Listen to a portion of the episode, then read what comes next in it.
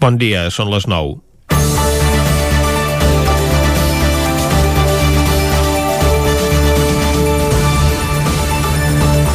La Unió Europea ha arribat a un acord perquè el Centre Europeu de Control i Prevenció de Malalties elabori setmanalment un mapa de regions de risc davant de l'augment de contagis de Covid-19 en aquesta segona onada, que s'ha avançat segons tots els pronòstics. El que no s'ha pogut acordar és un codi comú de posada en pràctica d'aquest mapa de risc i quines són les activitats que es poden dur a terme o les restriccions que s'han d'aplicar en funció de la situació en cada territori. Cada país té els seus experts i la manera d'interpretar la informació i en això no es posen d'acord. En el mapa s'observa com Itàlia, porta d'entrada del virus a Europa, està en una situació molt millor que França o Espanya. Al sud-est de França i al centre i nord de la península Ibèrica el número de casos reportats els últims 14 dies supera els 120 per cada 100.000 habitants. Els països catalans, en canvi, estan una mica per sota. Però, tot i això, la Generalitat ja ha anunciat mesures més restrictives a partir dels propers dies. Entre elles, l'aturada de les activitats esportives no professionals, de moment per 15 dies, i el possible tancament dels bars. Es temia que amb la reobertura de les escoles pogués augmentar el número de casos entre els menors, però els fets han demostrat que la majoria de contagis en les classes que han quedat confinades s'han produït fora dels centres escolars. Per contra, si la primera onada de la pandèmia va afectar especialment residències de la tercera edat, ara la major part de transmissions que es detecta és entre joves i menors de 30 anys asimptomàtics. Per això, una de les mesures que es posarà en marxa a partir de demà és la virtualització de les classes universitàries. I no és per menys. Una festa universitària en un col·legi major de València ha provocat el brot més gran des de l'inici de la pandèmia al País Valencià. Pamplona és la ciutat amb major taxa de contagis, però no s'hi ha decretat l'estat d'alarma com a Madrid per una menor ocupació de les seves unitats de cures intensives i un percentatge molt més alt de proves PCR. L'altra ciutat on el virus ha rebrotat amb forces a Granada, on aquest pont del Pilar turistes i estudiants feien botellades al carrer sense mascaretes ni guardar distàncies.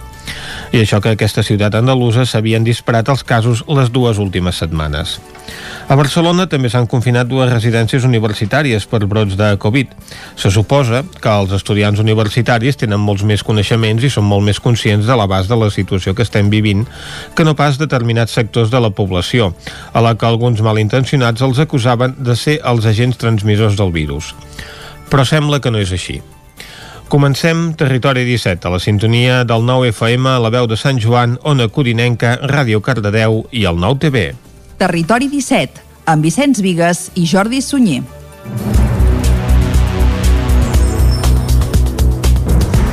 Són les 9 i 3 minuts del dimecres, dia 14 d'octubre de 2020. Arrenca aquí un nou Territori 17 que avui, durant la primera hora, com sempre, us acostarà tota l'actualitat de les nostres comarques. Després, a partir de les 10, tindrem les seccions habituals. Avui, el Lletra Ferits, parlant de literatura, el territori sostenible i, per acabar, al punt de les 12, farem un repàs a l'agenda cultural prevista per aquest cap de setmana, que esperem que no es vegi alterada per les mesures que anunciarà d'aquí a relativament poc el govern per tal d'aturar la pandèmia. Abans, però, i com sempre, el que farem ara mateix és arrencar tot fent un repàs a l'actualitat de les nostres comarques, les comarques del Ripollès, Osona, el Moianès i el Vallès Oriental.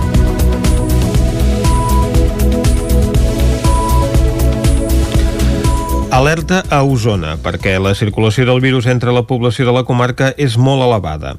El risc de rebrot de Vic i Manlleu, les dues ciutats més poblades, està per sobre dels 1.000 punts. Segons les dades del Departament de Salut, actualment Manlleu seria la ciutat amb la xifra més alta de Catalunya. Les xifres de la Covid-19 a Osona segueixen preocupant. Durant els últims dies, les dues ciutats més poblades, Vic i Manlleu, han experimentat un augment important en el risc de rebrot que s'ha disparat per sobre dels 1.000 punts quan seria desitjable desitjable que no superés el 100. De fet, segons les dades del Departament de Salut, Manlleu actualment és la ciutat amb la xifra més alta de Catalunya. La darrera actualització situa l'índex de rebrot en 1.568 punts i segueix augmentant de forma exponencial. Són 589 punts més respecte al període anterior. La taxa de reproducció també ha augmentat i actualment és de 1,61 amb un augment de 0,53 punts respecte als dies anteriors. Això significa que cada persona pot contagiar 1,61 persones. Pel que fa a Vic, les xifres tampoc són millors. El risc de rebrot es troba actualment en 1.305,62 punts, pujant de forma notable dia a dia i amb 515 punts més que el període anterior. La taxa de reproducció també ha pujat i ja se situa en 1,81, augmentant 0,16 respecte als dies anteriors. Les dues ciutats usonenques són una de les principals preocupacions de salut que ja hi va anunciar mesures especials aprovades pel Procicat amb vigència fins aquest dijous, però amb moltes probabilitats que es prorroguin. Salut ja està estudiant aplicar noves mesures a nivell català. Aquest dimarts el secretari general de Salut, Marc Ramentol, va explicar que la intenció del govern és aplicar mesures contundents que afectarien la mobilitat i la restauració que podrien entrar en vigor a partir de divendres. El govern tancarà bars i restaurants durant 15 dies per contenir la Covid-19. L'executiu posarà la mesura sobre la taula amb l'objectiu que l'aprovi el Procicat, tot i que fons del govern han explicat que encara no està del tot tancada a l'espera d'una reunió amb el sector que s'ha de celebrar aquest mateix dimecres. En aquest sentit, fons del Gremi de Restauració han afirmat desconèixer la proposta. La mesura se suma a la que va transcendir ahir per ajornar les competicions esportives durant 15 dies o com la que s'ha acordat amb els claustres universitaris d'impartir classes telemàtiques fins a finals d'octubre. Fons del govern també han explicat que la mesura que s'estaria ultimant prohibiria el consum tant a l'interior dels locals com a les terrasses, però que permetria, en canvi, les comandes per emportar. La mesura que proposarà aquest dimecres l'executiu català al Procicat arriba després de diversos anuncis de mesures extraordinàries per intentar frenar l'avenç de contagis de Covid-19 a Catalunya, que en els darrers dies ha augmentat de forma destacable. Ahir la Unió de Federacions Esportives de Catalunya anunciava l'aturada de les competicions esportives d'àmbit català federades escolars o privades els dos pròxims caps de setmana per bé que sí que es podran continuar fent els entrenaments aplicant mesures de seguretat. Les universitats catalanes faran les classes teòriques de forma telemàtica a partir d'aquest dijous. A partir de demà les universitats passaran la docència teòrica al format telemàtic. Aquest és l'acord a què es va arribar aquest dimarts en una reunió entre els centres universitaris i el govern en el marc del Consell Interuniversitari de Catalunya Catalunya. La mesura arriba després que el Departament de Salut demanés a les universitats passar a la docència telemàtica tenint en compte l'empitjorament de la situació epidemiològica a Catalunya. La Universitat de Vic, Universitat Central de Catalunya, va explicar aquest dilluns a través d'un comunicat que estava en contacte permanent amb el govern de la Generalitat i a l'espera del que decidissin les autoritats competents. Gairebé 300 persones aïllades a les escoles del Ripollès, un 90% de les quals són de l'escola Badruna de Ripoll. Isaac Muntades, des de la veu de Sant Joan.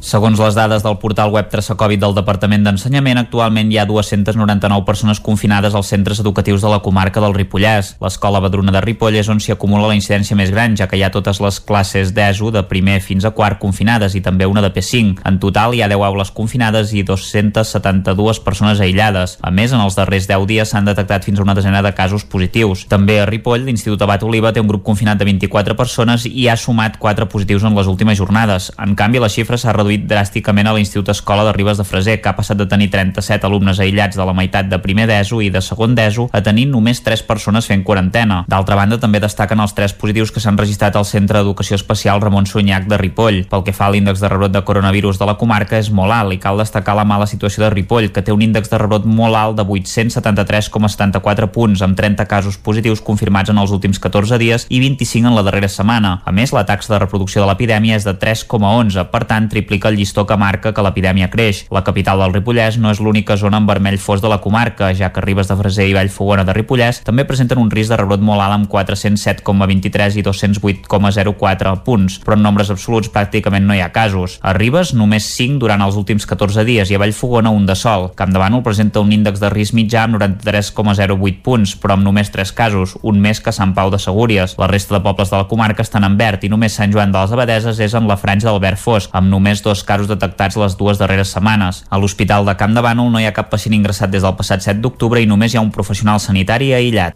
La residència Santa Susana de Caldes de Montbui recupera algunes de les activitats a l'aire lliure. Caral Campàs, des d'Ona Codinenca.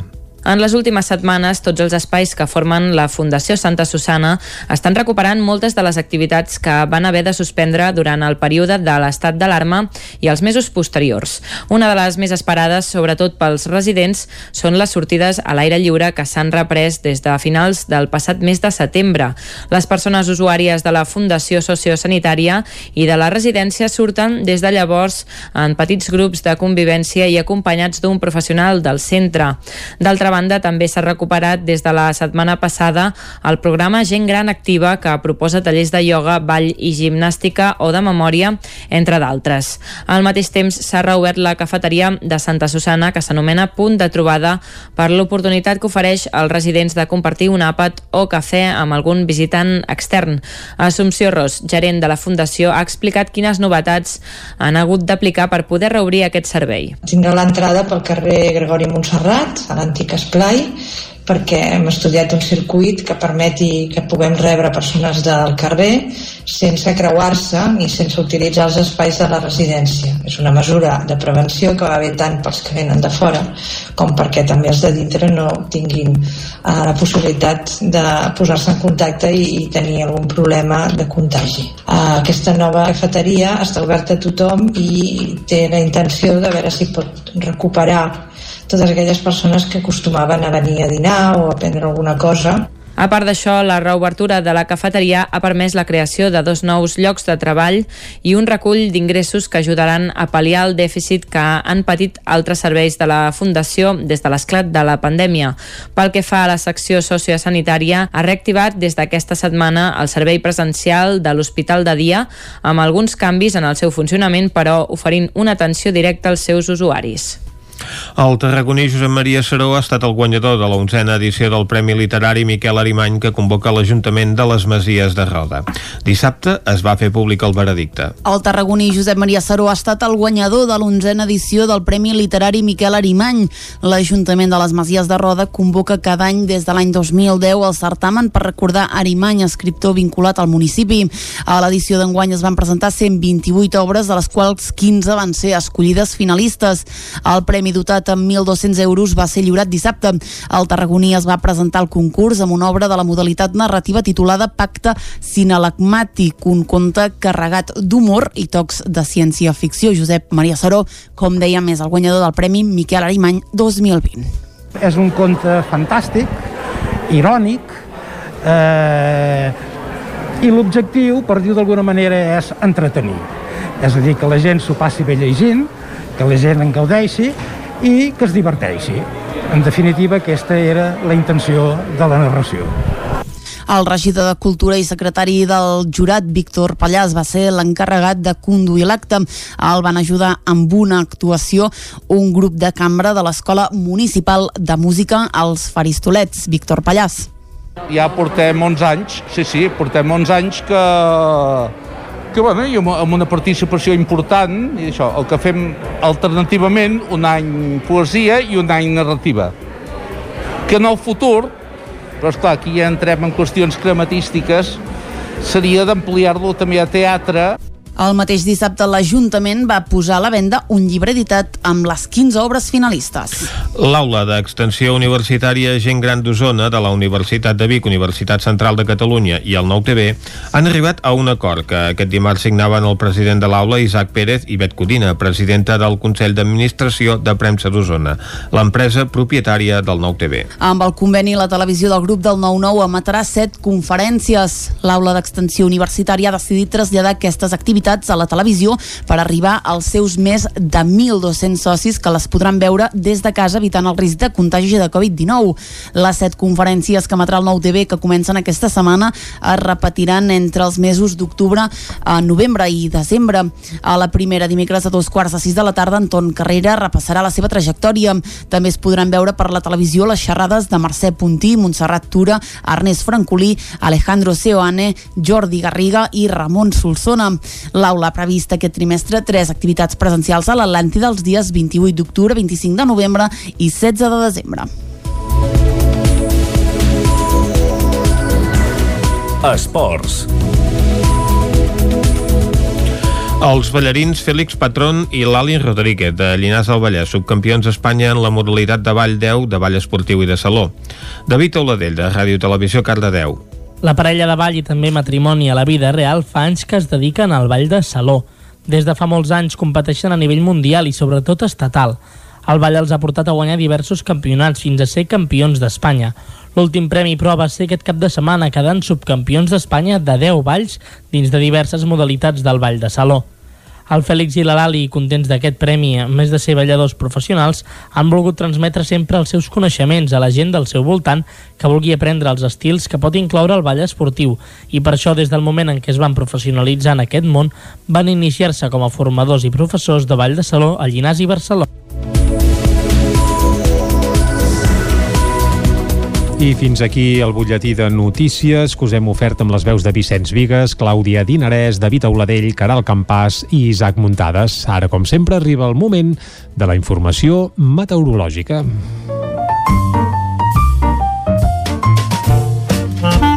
Casa Terradellos us ofereix el temps. I qui ens acosta el temps aquí a Territori 17 és el Pep Acosta, a qui ja saludem de seguida. Pep, molt bon dia. Hola, molt bon dia. I bona hora. Meitats de setmana uh -huh. i ja estem aquí per informar-vos de la situació meteorològica aviam quin temps farà avui. Doncs va, anem-hi. Doncs avui serà el dia més inestable de tota la setmana. I per què? Doncs perquè ens creua un front atlàntic, un front de nord, i serà el protagonista de tot el dia d'avui.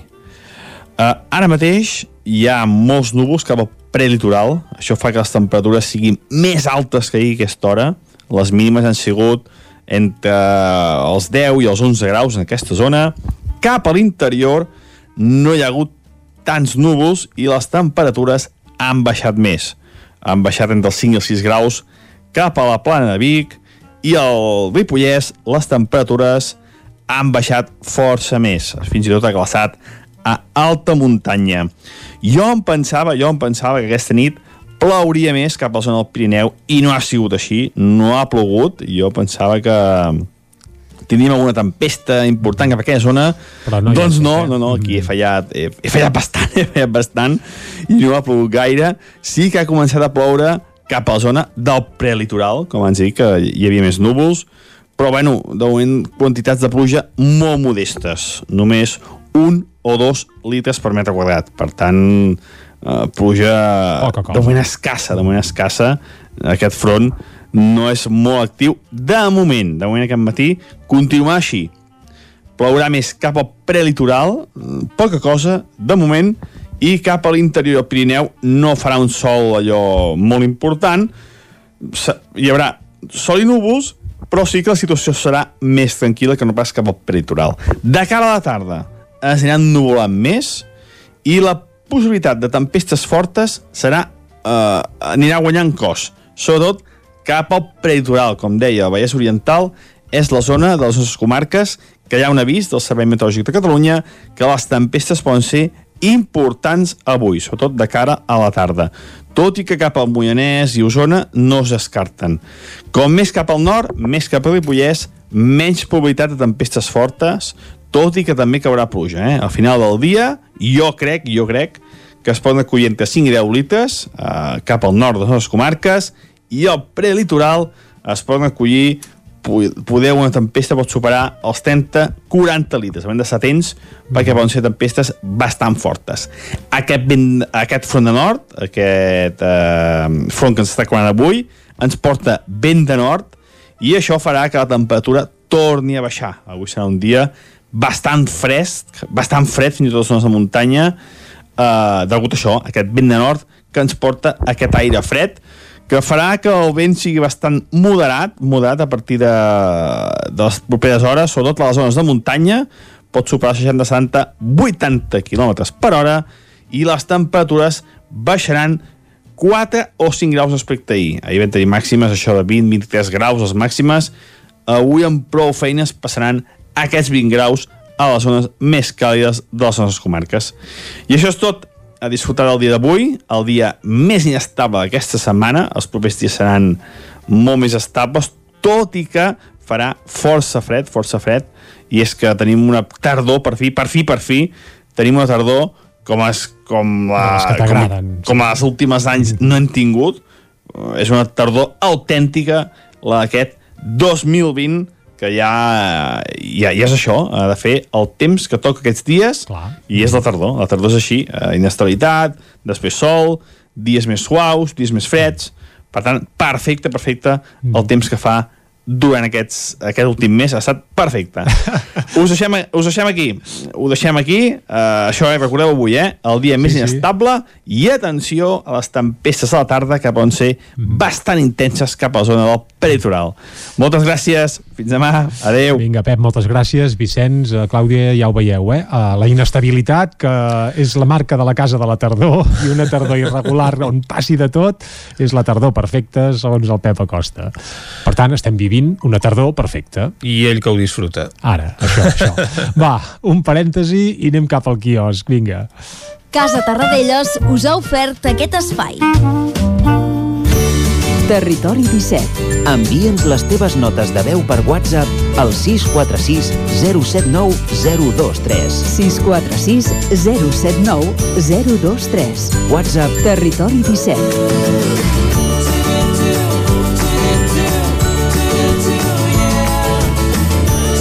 Territori 17.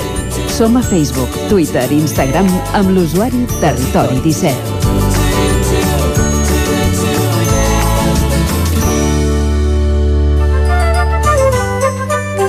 Abans no plogui de debò, anem cap al quiosc que no se'ns mullin les portades, Clàudia. Bon dia de nou. Uh, comencem amb les portades catalanes, Catalanes. amb el punt avui que diu aturada obligada. El govern endurirà les restriccions per frenar una segona onada de la pandèmia. Es prohibirà el consum a restaurants i bars i només serviran comandes per emportar. A la imatge de la portada queixa dels metges de primària, seguiment desigual de la vaga de metges d'atenció primària de l'ICS. Avui fa un any de la sentència de l'1 d'octubre. El Tribunal Suprem ha dinamitat l'execució de les condemnes i manté bloquejat el tercer grau de set dels presos polítics. Pel que fa a la crisi sanitària, s'acceleren els contagis i Europa aplica més prohibicions i previsió catastròfica del Fons Monetari Internacional per l'economia espanyola. Al diari Ara el govern planteja el tancament de bars i restaurants. Les restriccions també afectaran els espectacles culturals i s'atura tot l'esport no professional. Uh, també arrenca la Bienal de Pensament, tot i el coronavirus, un recital d'Enric Casasses i una conferència de Margaret Atwood inauguren el festival. A la portada també ens avancen un reportatge, diu un any de la sentència dels 100 anys. Les penes de presó als líders independentistes no van servir per refer la unitat estratègica. Les protestes van desbordar el carrer, però el tsunami no va sobreviure a la divisió interna. La imatge que veiem avui a la portada de l'Ara és una imatge d'ara fa un any a l'aeroport. El periòdico Bars i restaurants tancats 15 dies. La clausura des de demà pretén reduir la vida social i indigna el sector. Els experts avisen que només les restriccions poden evitar un altre confinament.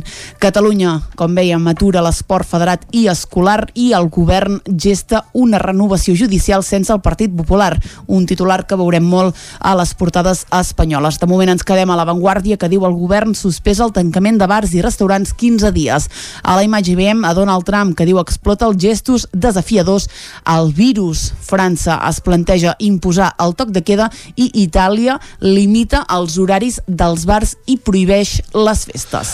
El tancament de bars i restaurants preocupa poc als eh, diaris de Madrid, allà estan més amoïnats per aquest estat d'alarma a la comunitat autònoma. Exacte, tot i que, per exemple, la primera portada al País veiem aquest titular, eh? diu Catalunya estudia tancar els bars i restaurants fins a finals de mes, uh, tot i que és veritat que centren en, sobretot en la reforma aquesta eh, per la via ràpida del poder judicial que diu enverina el conflicte polític és una, un titular que anirem veient doncs, uh, a les properes portades a la imatge, la candidata de Trump el Suprem diu evita comprometre's sobre l'avortament el Mundo diu així es va pactar el cop al Consell General del Poder Judicial en plena investigació. El vicepresident diu Sánchez va donar l'ordre personal després de negociar-la amb Pablo Iglesias. El president va accedir a la pressió de Podemos per llançar una reforma del Poder Judicial que diu al·ludeix tot tots els controls. Encara amb Podemos diu vuit fiscals del Suprem estudiaran l'informe del cas Dina. Uh, pel que fa a la crisi sanitària, Illa canvia una altra vegada de criteri per allargar l'estat d'alarma a Madrid i multes de fins a 187.000 euros a les empreses que no facin públics els sous per sexe. A la raó, el Consell General del Poder Judicial desafia el corró de Sánchez i cobrirà vacants. Uh, un titular curiós, més no, diu Catalunya vol l'estat d'alarma que Illa va imposar a Madrid.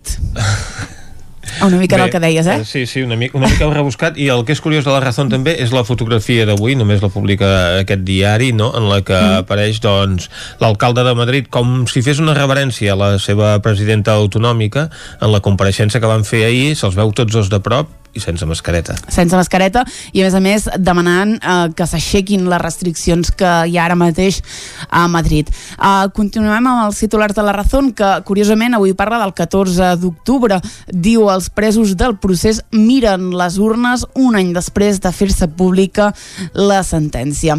I acabem amb l'ABC que diu Sánchez assalta els controls per canviar el poder judicial. El govern burla la Constitució i ordena al Partit Socialista i a Poder proposem una reforma del Consell General del Poder Judicial sense majoria qualificada i deixant al marge el Partit Popular.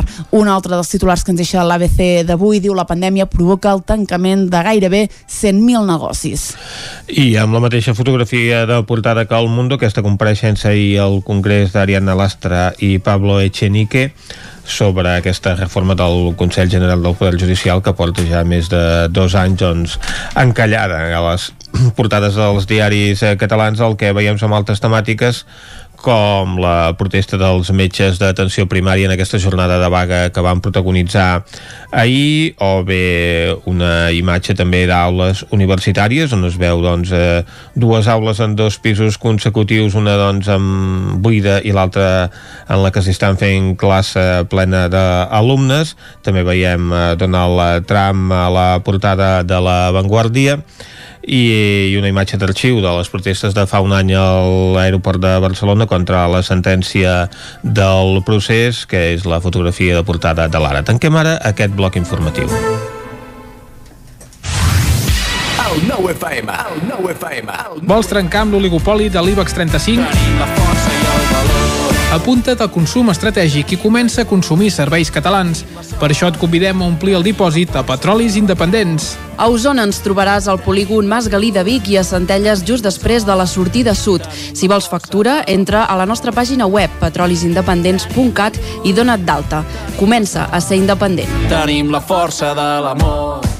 Cocodril Club. Si t'agrada la bona música dels anys 60, 70 i 80, escolta el 9 FM als matins de dissabtes i diumenges d'11 a 1. És el temps del Cocodril Club, tot un clàssic de la ràdio, amb les bases del pop-rock, les llegendes, les cançons que s'han convertit en autèntics himnes. Recorda, dissabtes i diumenges al matí, d'11 a 1, al 9 FM 92.8. Cocodril Club, el programa revival de l'Albert Malla. Hasta luego, cocodrilo. Cobertes serveis funeraris els nostres tanatoris estan ubicats en els nuclis urbans més poblats de la comarca d'Osona per oferir un millor servei. Tanatori de Vic, Tanatori de Manlleu, Tanatori de Centelles i Tanatori de Roda de Ter.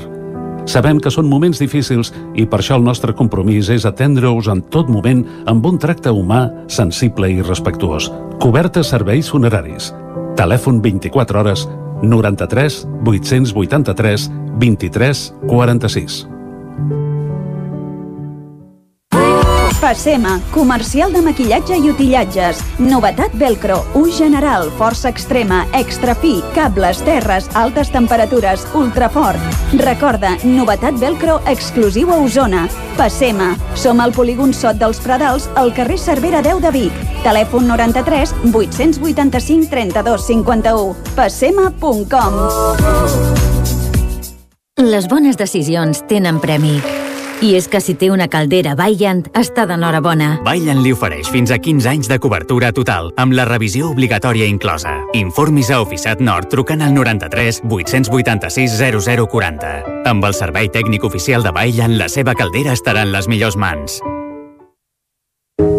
Cada territori té un atractiu o més d'un El fruit, el paisatge, la seva gent, les pedres... Camins de l'Eix. Descobrint el capital de terra endins. Camins de l'Eix, dissabte a les 9 del vespre al 9 TV. Aquesta setmana al Bisaure, amb el suport de la Generalitat de Catalunya. 7 milions i mig de futurs.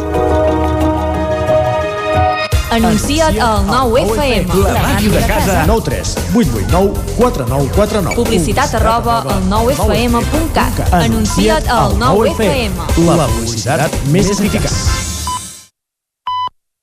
Territori 17, amb Vicenç Vigues i Jordi Sunyer. Són dos quarts de deu en punt d'avui dimecres, dia 14 d'octubre de 2020. Seguim en directe des d'aquí, des de Territori 17, i us farem companyia fins a les 12 del migdia. I el que toca ara, arribats a aquest punt, és recuperar de nou tota l'actualitat de les nostres comarques, les comarques del Ripollès, Osona, el Moianès i el Vallès Oriental. Alerta a Osona, perquè la circulació del virus entre la població de la comarca és molt elevada. El risc de rebrot de Vic i Manlleu, les dues ciutats més poblades, està per sobre dels 1.000 punts. Segons les dades del Departament de Salut, actualment Manlleu seria la ciutat amb la xifra més alta de Catalunya. Les xifres de la Covid-19 a Osona segueixen preocupant. Durant els últims dies, les dues ciutats més poblades, Vic i Manlleu, han experimentat un augment important en el risc de rebrot que s'ha disparat per sobre dels 1.000 punts quan seria desitjable que no superés el 100. De fet, segons les dades del Departament de Salut, Manlleu actualment és la ciutat amb la xifra més alta de Catalunya. La darrera actualització situa l'índex de rebrot en 1.568 punts i segueix augmentant de forma exponencial. Són 589 punts més respecte al període anterior. La taxa de reproducció també ha augmentat i actualment és de 1,61 amb un augment de 0,53 punts respecte als dies anteriors. Això significa que cada persona pot contagiar 1,61 persones. Pel que fa a Vic, les xifres tampoc són millors. El risc de rebrot es troba actualment en 1.305,62 punts, pujant de forma notable dia a dia i amb 515 punts més que el període anterior. La taxa de reproducció també ha pujat i ja se situa en 1,81, augmentant 0,16 respecte als dies anteriors. Les dues ciutats usonenques són una de les principals preocupacions de salut que ja hi va anunciar mesures especials aprovades pel Procicat amb vigència fins aquest dijous, però amb moltes probabilitats que es prorroguin.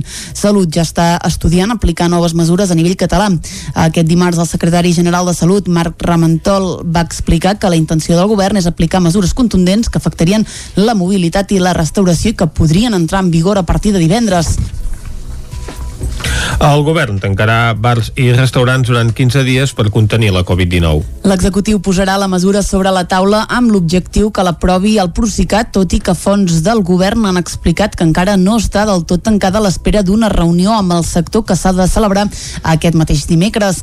En aquest sentit, fons del Gremi de Restauració han afirmat desconèixer la proposta. La mesura se suma a la que va transcendir ahir per ajornar les competicions esportives durant 15 dies o com la que s'ha acordat amb els claustres universitaris d'impartir classes telemàtiques fins a finals d'octubre. Fons del govern també han explicat que la mesura que s'estaria ultimant prohibiria el consum tant a l'interior dels locals com a les terrasses, però que permetria, en canvi, les comandes per emportar.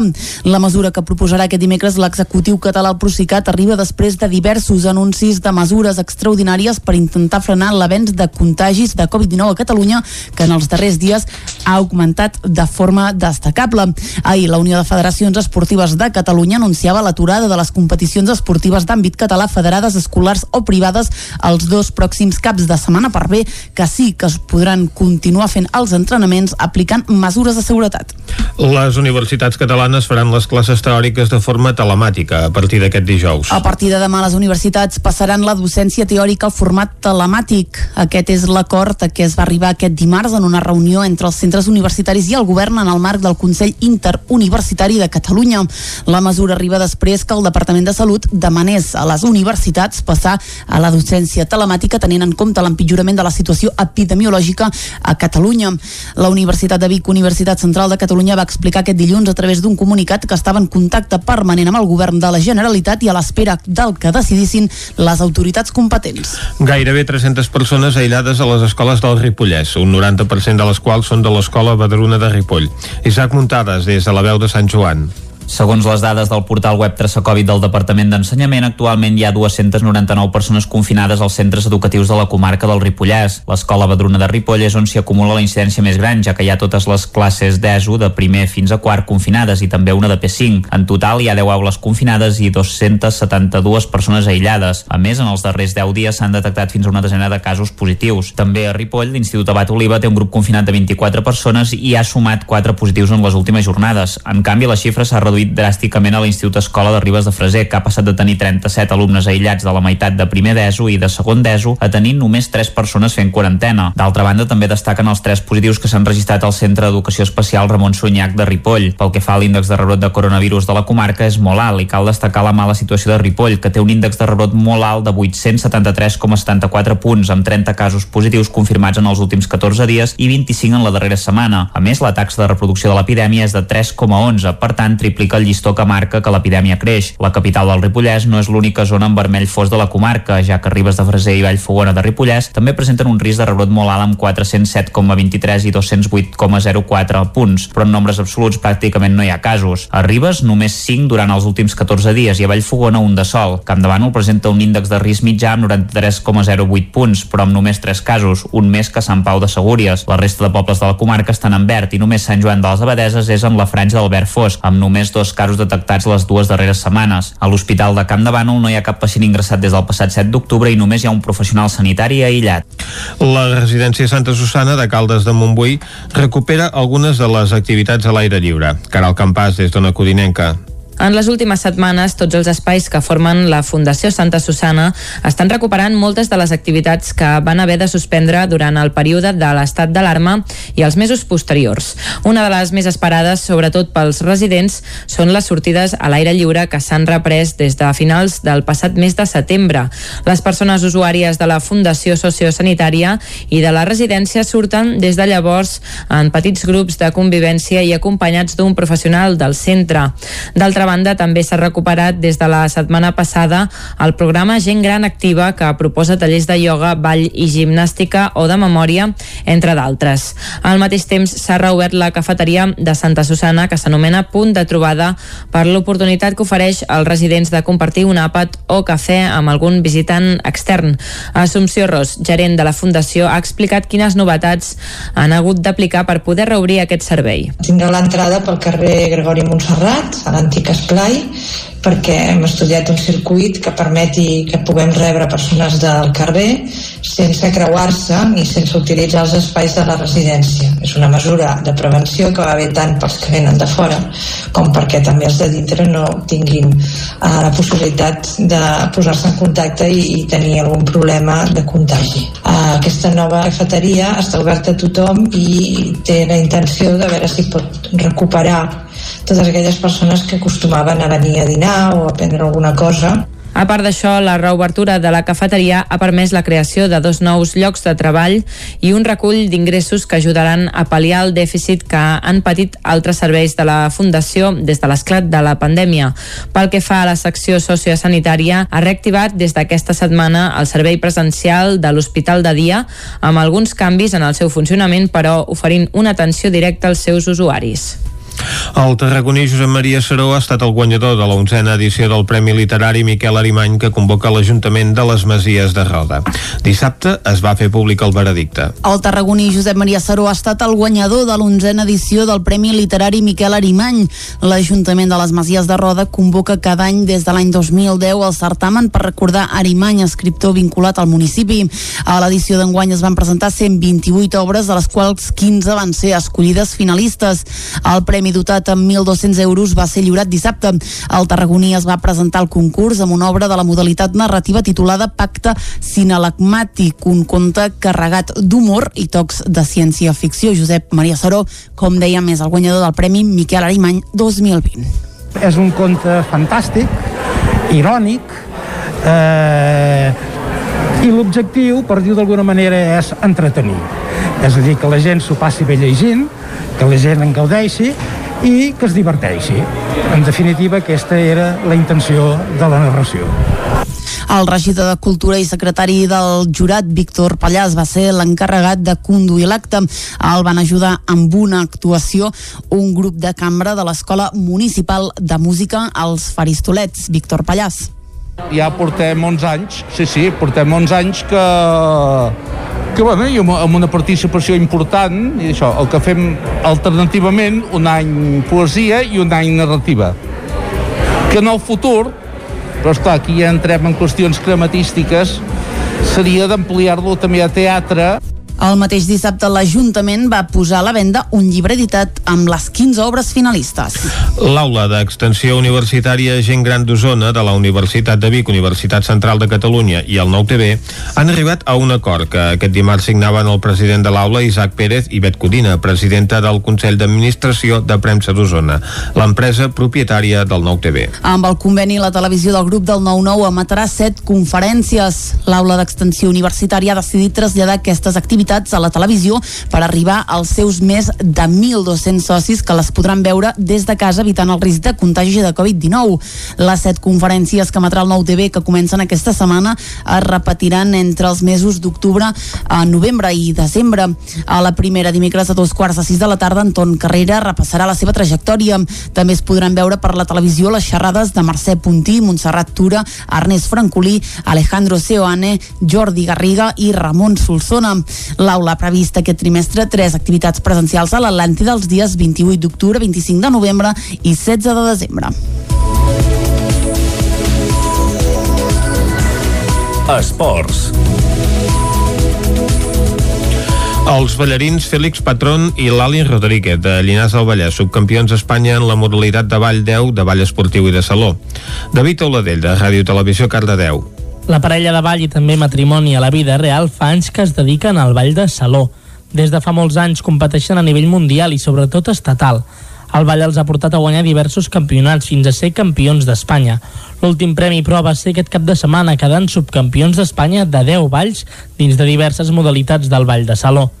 El Fèlix i la Lali, contents d'aquest premi, a més de ser balladors professionals, han volgut transmetre sempre els seus coneixements a la gent del seu voltant que vulgui aprendre els estils que pot incloure el ball esportiu i per això des del moment en què es van professionalitzar en aquest món van iniciar-se com a formadors i professors de ball de saló a Llinars i Barcelona. I fins aquí el butlletí de notícies que us hem ofert amb les veus de Vicenç Vigues, Clàudia Dinarès, David Auladell, Caral Campàs i Isaac Muntades. Ara, com sempre, arriba el moment de la informació meteorològica.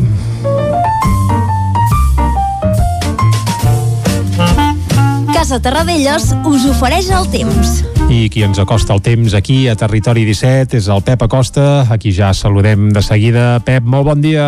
Hola, molt bon dia. I bona hora. Meitats de setmana uh -huh. i ja estem aquí per informar-vos de la situació meteorològica aviam quin temps farà avui. Doncs va, anem-hi. Doncs avui serà el dia més inestable de tota la setmana. I per què? Doncs perquè ens creua un front atlàntic, un front de nord, i serà el protagonista de tot el dia d'avui. Uh, ara mateix hi ha molts núvols cap al prelitoral, això fa que les temperatures siguin més altes que ahir a aquesta hora, les mínimes han sigut entre els 10 i els 11 graus en aquesta zona, cap a l'interior no hi ha hagut tants núvols i les temperatures han baixat més. Han baixat entre els 5 i els 6 graus cap a la plana de Vic i al Ripollès les temperatures han baixat força més, fins i tot ha glaçat a alta muntanya. Jo em pensava, jo em pensava que aquesta nit plouria més cap a la zona del Pirineu i no ha sigut així, no ha plogut, jo pensava que tenim alguna tempesta important cap a aquella zona, no doncs no, no, no, aquí he fallat, he, he fallat bastant, he fallat bastant, i no ha plogut gaire. Sí que ha començat a ploure cap a la zona del prelitoral, com ens dit, que hi havia més núvols, però bueno, de moment quantitats de pluja molt modestes, només un o dos litres per metre quadrat. Per tant, eh, pluja de moment escassa, de moment escassa. Aquest front no és molt actiu de moment, de moment aquest matí, continuar així. Plourà més cap al prelitoral, poca cosa, de moment, i cap a l'interior del Pirineu no farà un sol allò molt important. Hi haurà sol i núvols, però sí que la situació serà més tranquil·la que no pas cap al peritoral. De cara a la tarda es aniran nuvolant més i la possibilitat de tempestes fortes serà eh, anirà guanyant cos, sobretot cap al peritoral, com deia, el Vallès Oriental és la zona de les nostres comarques que hi ha un avís del Servei Meteorològic de Catalunya que les tempestes poden ser importants avui, sobretot de cara a la tarda. Tot i que cap al Moianès i Osona no es descarten. Com més cap al nord, més cap a Ripollès, menys probabilitat de tempestes fortes, tot i que també caurà pluja. Eh? Al final del dia, jo crec, jo crec, que es poden acollir entre 5 i 10 litres eh, cap al nord de les comarques i al prelitoral es poden acollir poder una tempesta pot superar els 30-40 litres, hem d'estar atents perquè poden ser tempestes bastant fortes. Aquest, vent, aquest front de nord, aquest eh, front que ens està creuant avui, ens porta vent de nord i això farà que la temperatura torni a baixar. Avui serà un dia bastant fresc, bastant fred fins i tot les zones de muntanya, eh, degut a això, aquest vent de nord que ens porta aquest aire fred, que farà que el vent sigui bastant moderat, moderat a partir de, de les properes hores, sobretot a les zones de muntanya, pot superar 60, 70, 80 km per hora i les temperatures baixaran 4 o 5 graus respecte ahir. Ahir vam tenir màximes, això de 20-23 graus, les màximes. Avui amb prou feines passaran aquests 20 graus a les zones més càlides de les nostres comarques.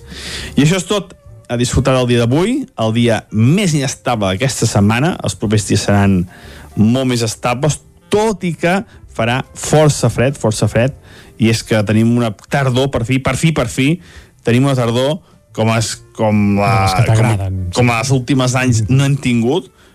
És una tardor autèntica, la d'aquest 2020, que ja, ja, ja és això, ha de fer el temps que toca aquests dies Clar. i és la tardor. La tardor és així, eh, inestabilitat, després sol, dies més suaus, dies més freds, per tant, perfecte, perfecte el temps que fa durant aquests, aquest últim mes ha estat perfecte.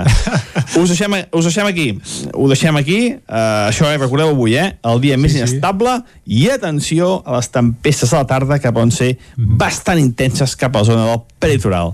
Moltes gràcies. Fins demà. Adeu. Vinga, Pep, moltes gràcies. Vicenç, uh, Clàudia, ja ho veieu, eh? Uh, la inestabilitat, que és la marca de la casa de la tardor, i una tardor irregular on passi de tot, és la tardor perfecta, segons el Pep Acosta. Per tant, estem vivint vivint una tardor perfecta. I ell que ho disfruta. Ara, això, això. Va, un parèntesi i anem cap al quiosc, vinga. Casa Tarradellas us ha ofert aquest espai. Territori 17. Envia'ns les teves notes de veu per WhatsApp al 646 079 023. 646 079 023. WhatsApp Territori 17.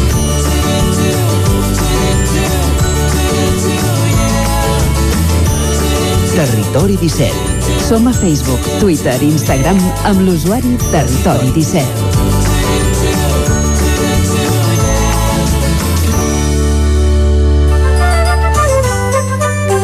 Abans no plogui de debò, anem cap al quiosc no se'ns mullin les portades, Clàudia. bon dia de nou. Uh, comencem amb les portades catalanes, catalanes amb el punt avui que diu aturada obligada. El govern endurirà les restriccions per frenar una segona onada de la pandèmia. Es prohibirà el consum a restaurants i bars i només serviran comandes per emportar.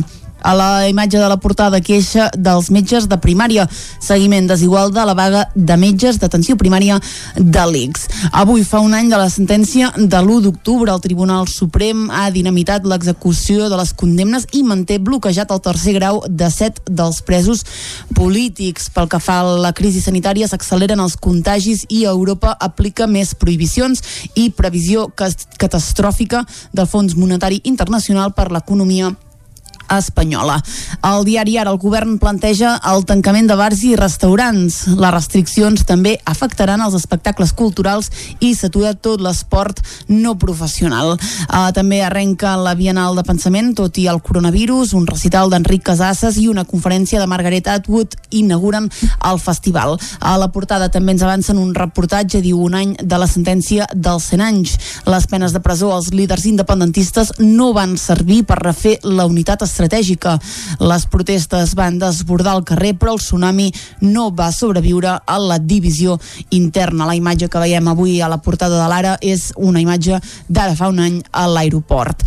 El periòdico Bars i restaurants tancats 15 dies. La clausura des de demà pretén reduir la vida social i indigna el sector els experts avisen que només les restriccions poden evitar un altre confinament. Catalunya, com veiem, atura l'esport federat i escolar i el govern gesta una renovació judicial sense el Partit Popular, un titular que veurem molt a les portades espanyoles. De moment ens quedem a l'avantguàrdia que diu el govern suspès el tancament de bars i restaurants 15 dies. A la imatge veiem a Donald Trump que diu explota els gestos desafiadors al virus. França es planteja imposar el toc de queda i Itàlia Itàlia limita els horaris dels bars i prohibeix les festes. El tancament de bars i restaurants preocupa poc als eh, diaris de Madrid, allà estan més amoïnats per aquest estat d'alarma a la comunitat autònoma. Exacte, tot i que, per exemple, la primera portada al País veiem aquest titular, eh? diu Catalunya estudia tancar els bars i restaurants fins a finals de mes, uh, tot i que és veritat que centren en, sobretot en la reforma aquesta per la via ràpida del poder judicial que diu enverina el conflicte polític. És una, un titular que anirem veient doncs, uh, a les properes portades. A la imatge, la candidata de Trump el Suprem diu evita comprometre's sobre l'avortament. El Mundo diu així es va pactar el cop al Consell General del Poder Judicial en plena investigació. El vicepresident diu Sánchez va donar l'ordre personal després de negociar-la amb Pablo Iglesias. El president va accedir a la pressió de Podemos per llançar una reforma del Poder Judicial que, diu, al·ludeix tots els controls. Encara amb Podemos, diu, vuit fiscals del Suprem estudiaran l'informe del cas Dina. Uh, pel que fa a la crisi sanitària, Illa canvia una altra vegada de criteri per allargar l'estat d'alarma a Madrid i multes de fins a 187.000 euros a les empreses que no facin públics els sous per sexe. A la raó, el Consell General del Poder Judicial desafia el corró de Sánchez i cobrirà vacants. Uh, un titular curiós, si més no, diu Catalunya vol l'estat d'alarma que Illa va imposar a Madrid. Una mica Bé, el que deies, eh? Sí, sí, una mica, una mica rebuscat i el que és curiós de la raó també és la fotografia d'avui, només la publica aquest diari, no?, en la que mm. apareix doncs l'alcalde de Madrid com si fes una reverència a la seva presidenta autonòmica en la compareixença que van fer ahir, se'ls veu tots dos de prop i sense mascareta. Sense mascareta i a més a més demanant eh, que s'aixequin les restriccions que hi ha ara mateix a Madrid. Eh, continuem amb els titulars de la Razón que curiosament avui parla del 14 d'octubre. Diu els presos del procés miren les urnes un any després de fer-se pública la sentència. I acabem amb l'ABC que diu Sánchez assalta els controls per canviar el poder judicial. El govern burla la Constitució i ordena al Partit Socialista i a Poder Podem una reforma del Consell General del Poder Judicial sense majoria qualificada i deixant al marge el Partit Popular. Un altre dels titulars que ens deixa l'ABC d'avui diu la pandèmia provoca el tancament de gairebé 100.000 negocis. I amb la mateixa fotografia de portada que el Mundo, aquesta compareixença i el Congrés d'Ariadna Lastra i Pablo Echenique sobre aquesta reforma del Consell General del Poder Judicial que porta ja més de dos anys doncs, encallada a les portades dels diaris eh, catalans. El que veiem són altres temàtiques com la protesta dels metges d'atenció primària en aquesta jornada de vaga que van protagonitzar ahir, o bé una imatge també d'aules universitàries on es veu doncs, eh, dues aules en dos pisos consecutius, una doncs amb buida i l'altra en la que s'estan fent classe plena d'alumnes. També veiem eh, Donald Trump a la portada de la Vanguardia i, i una imatge d'arxiu de les protestes de fa un any a l'aeroport de Barcelona contra la sentència del procés, que és la fotografia de portada de l'Ara. Tanquem ara aquest bloc informatiu. Doncs vinga, Vicenç, després d'haver parlat de les portades, anem al bloc musical. Avui portem dues, vaja, dues cançons que són del tot diferents. Primer de tot, una estrena mundial. Carai, uh, una altra estrena mundial. És una altra estrena mundial, sí, aquí estrenem moltes coses, això està bé. Uh, D'una veïna teva, eh, per cert, uh, es diu Gemma Humet, i el proper dia 30 d'octubre, és a dir, d'aquí res, d'aquí 15 dies, com aquell qui diu, estrenarà uh, un nou disc que es titularà Màtria, sí, pàtria en femení, per tant ja podem intuir per on va, per on aniran els trets, uh, i en aquest Màtria hi haurà cançons com Interpreta'm, uh, un primer single que estrenem aquí a Territori 17, si et sembla. I tant. I cal dir que es va gravar íntegrament a Osona, a uns estudis que té el Jordi Casa de Sus, il·lustre músic osonenc. Uh, va, no sé si és a Centelles o ara en terme municipal no et sabria dir on és, però jo crec que, que sí, que és a Centelles. Uh, escoltem, estrenem aquest Interpreta'm de la Gemma Humet, una de les peces que formaran part del seu nou disc, Màtria. I després uh, una sorpresa tenim, eh? Carai, doncs Però... estarem atents. Vinga, va, de moment la Gemma Humet que sona així. No, no, no, no, no. No,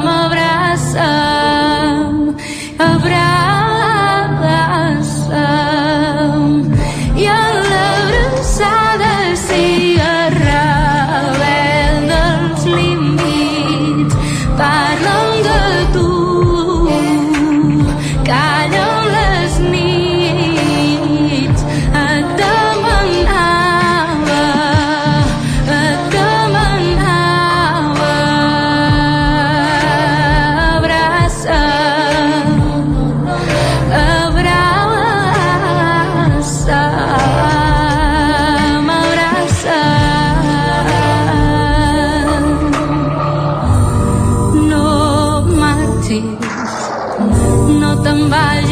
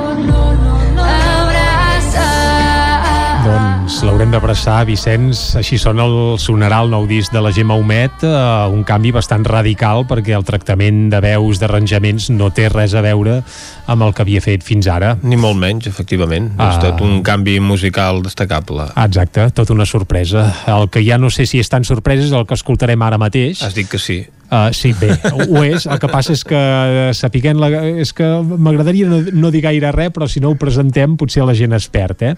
Uh, els que, vaja, qui canta és la, el Nasta Nekresova, acompanyat del Jacek Kleiv, dius, val, què fan aquests nois, no? Doncs són de Bielorússia i la cançó que sona ja de fons resulta que és l'estaca i l'estaca en bielorús sona uh -huh. com sentirem ara i atenció perquè s'està convertint en l'himne del grup opositor a Lukashenko saps que a Bielorússia hi ha força caliu ja fa I tant, mesos i tant que sí. doncs uh, bé, uh, diguem que si guanya o acaben enderrocant el Lukashenko ja uh, han proposat que el nou himne nacional de Bielorússia sigui, atenció, aquesta adaptació de l'estaca en bielorús que ja s'ha convertit en la cançó que es veu que sona a totes les mobilitzacions que es fan allà eh, per enderrocar eh, bàsicament el Lukashenko. Per tant, eh, arribem fins a les 10 escoltant l'estaca en bielorús. Molt bé. Possiblement el nou himne nacional de Bielorússia. Espectacular. Шли по улицах так, что кровь кипела и гнев кипел, и сердце стукали в такт. Били у сто тысяч долонял, и ритм ворога убил на повал. И шли нам уры во всім свете старым, а ён усё граў і спяваў. Раз A les 10 en punt torna la informació de les nostres comarques, les comarques del Ripollès, Osona, el Moianès i el Vallès Oriental.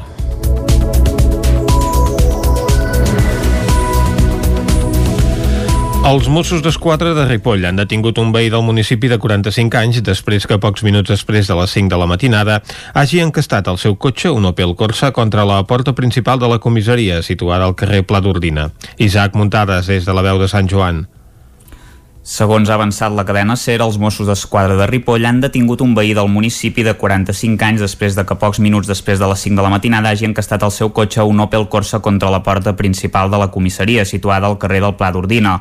L'home ha quedat arrestat com a presumpte autor d'un delicte de danys d'atemptat contra els agents de l'autoritat i contra la seguretat viària per conduir temeràriament. A més, presentava símptomes d'embriaguesa.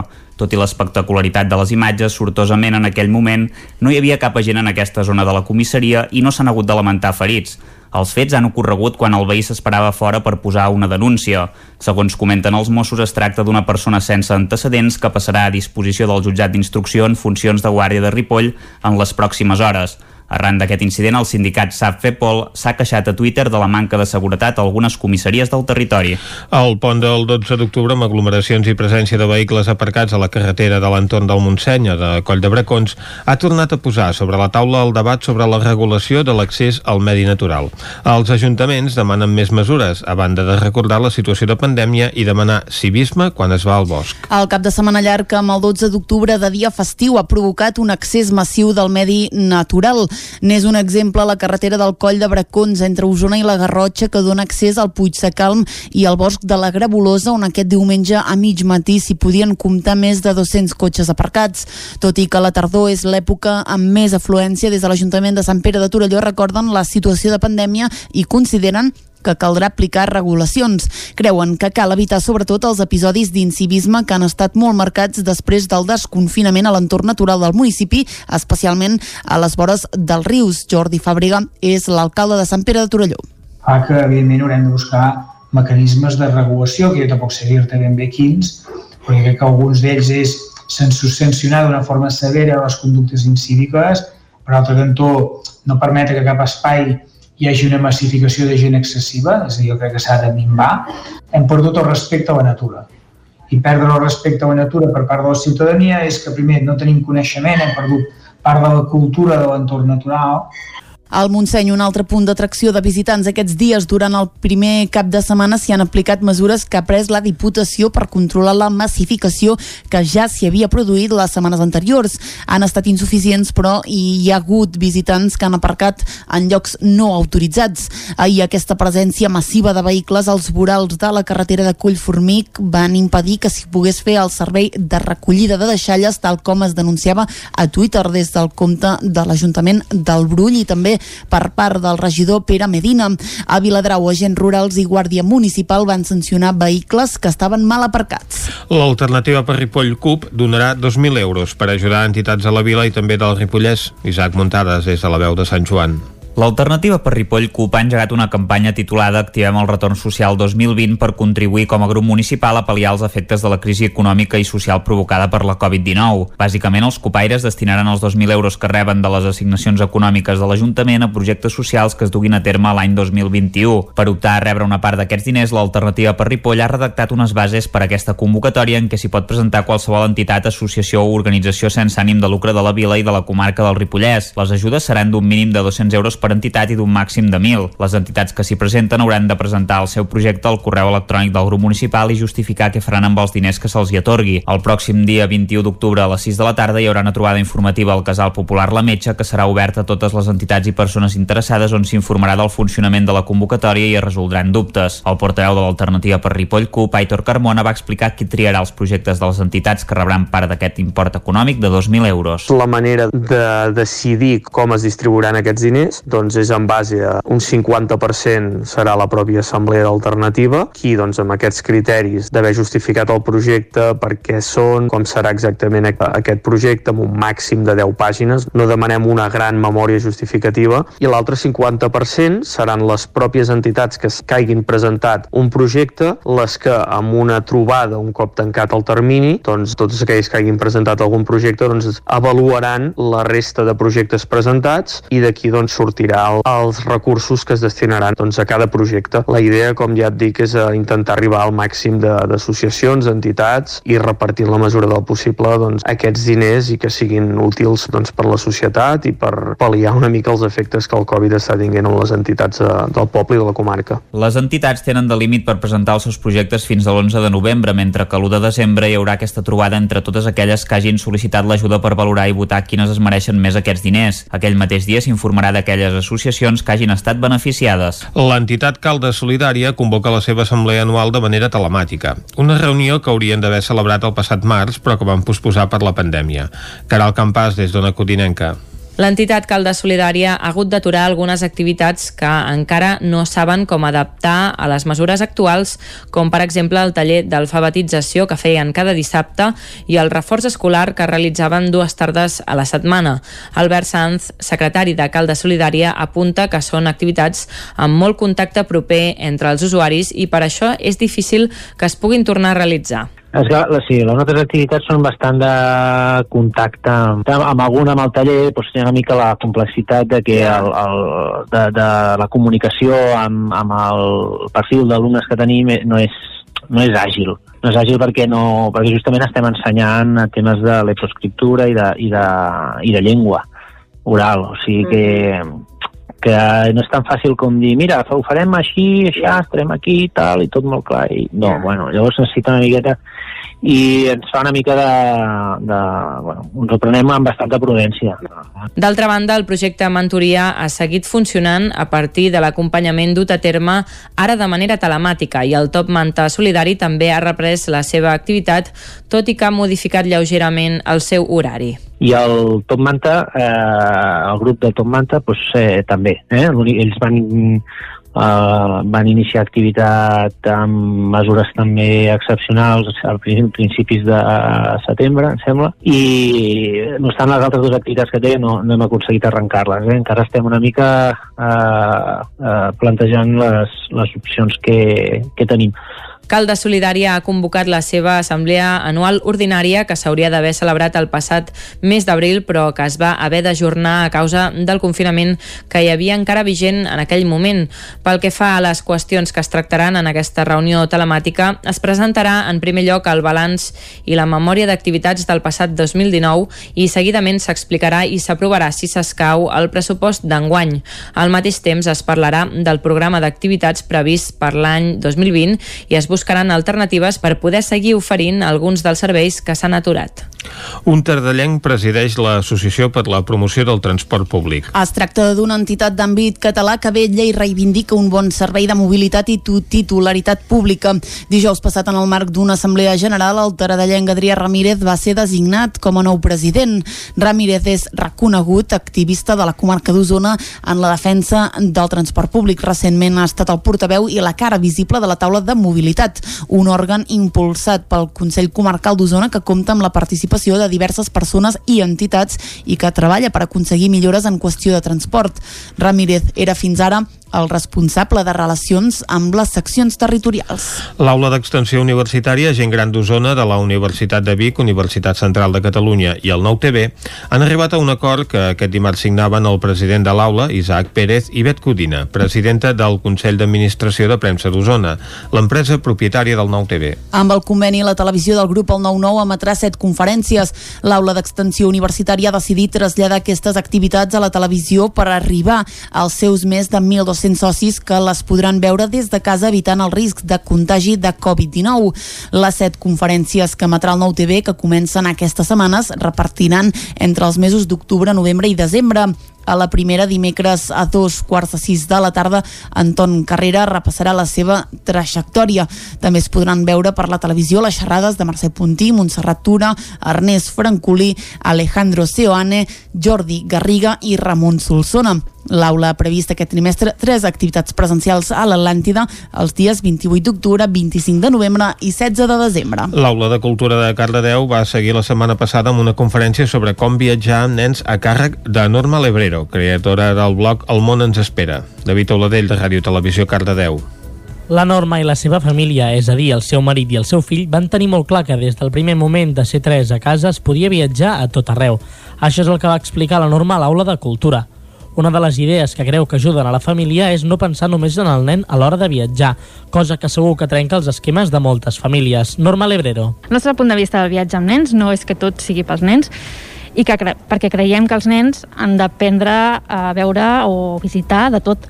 Eh, sí que ha d'haver-hi una mica de combinació d'activitats amb nens. Al nostre fill li encanta la piscina, llavors sempre busquem llocs amb mar, llocs amb piscina on d'això, però eh, creiem que també està acostumat a veure museus, exposicions sobre guerra, sobre trinxeres, que no siguin estrictament sobre nens, no? però que puguin aprendre què són. Durant la conferència va portar al públic principal del seu blog, les famílies, 10 recomanacions de destinacions que no són molt turístiques per fer amb nens i sense i que s'hauran de fer quan la situació de la pandèmia millori. Per convèncer més al públic va portar 10 motius per viatjar amb nens i, i finalment 10 consells perquè no sigui una odissea. Una de les recomanacions econòmiques que van fer perquè es pugui viatjar tant amb nens és viatjar entre setmana i agafar amb temps els viatges. Si bé és cert, ells prioritzen viatjar a altres inversions per l'educació del fill.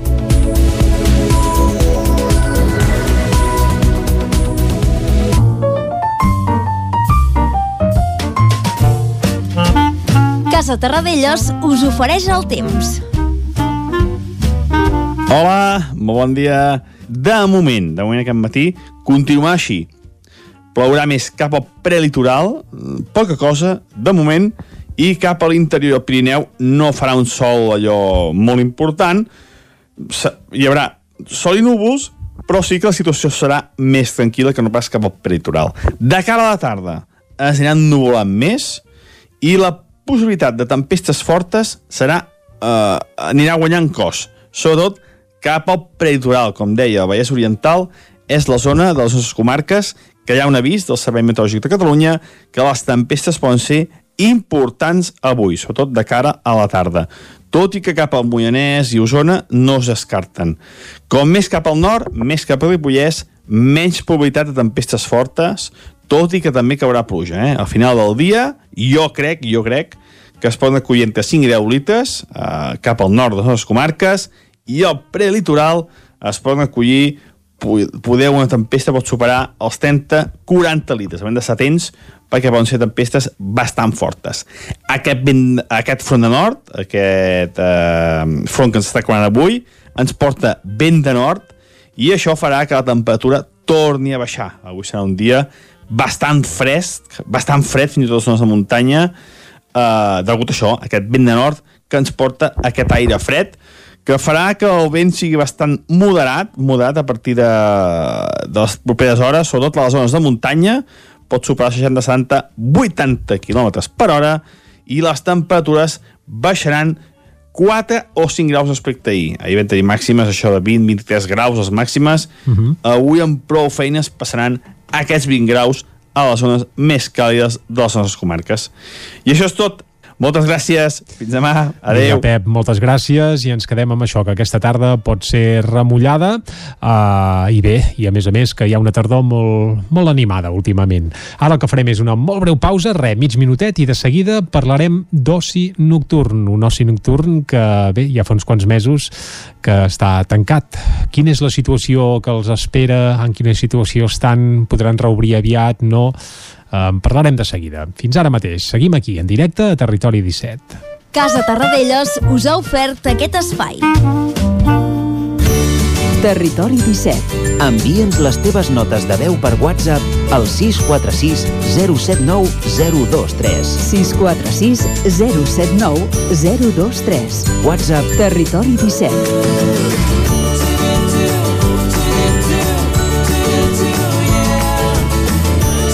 Territori 17. Som a Facebook, Twitter i Instagram amb l'usuari Territori 17.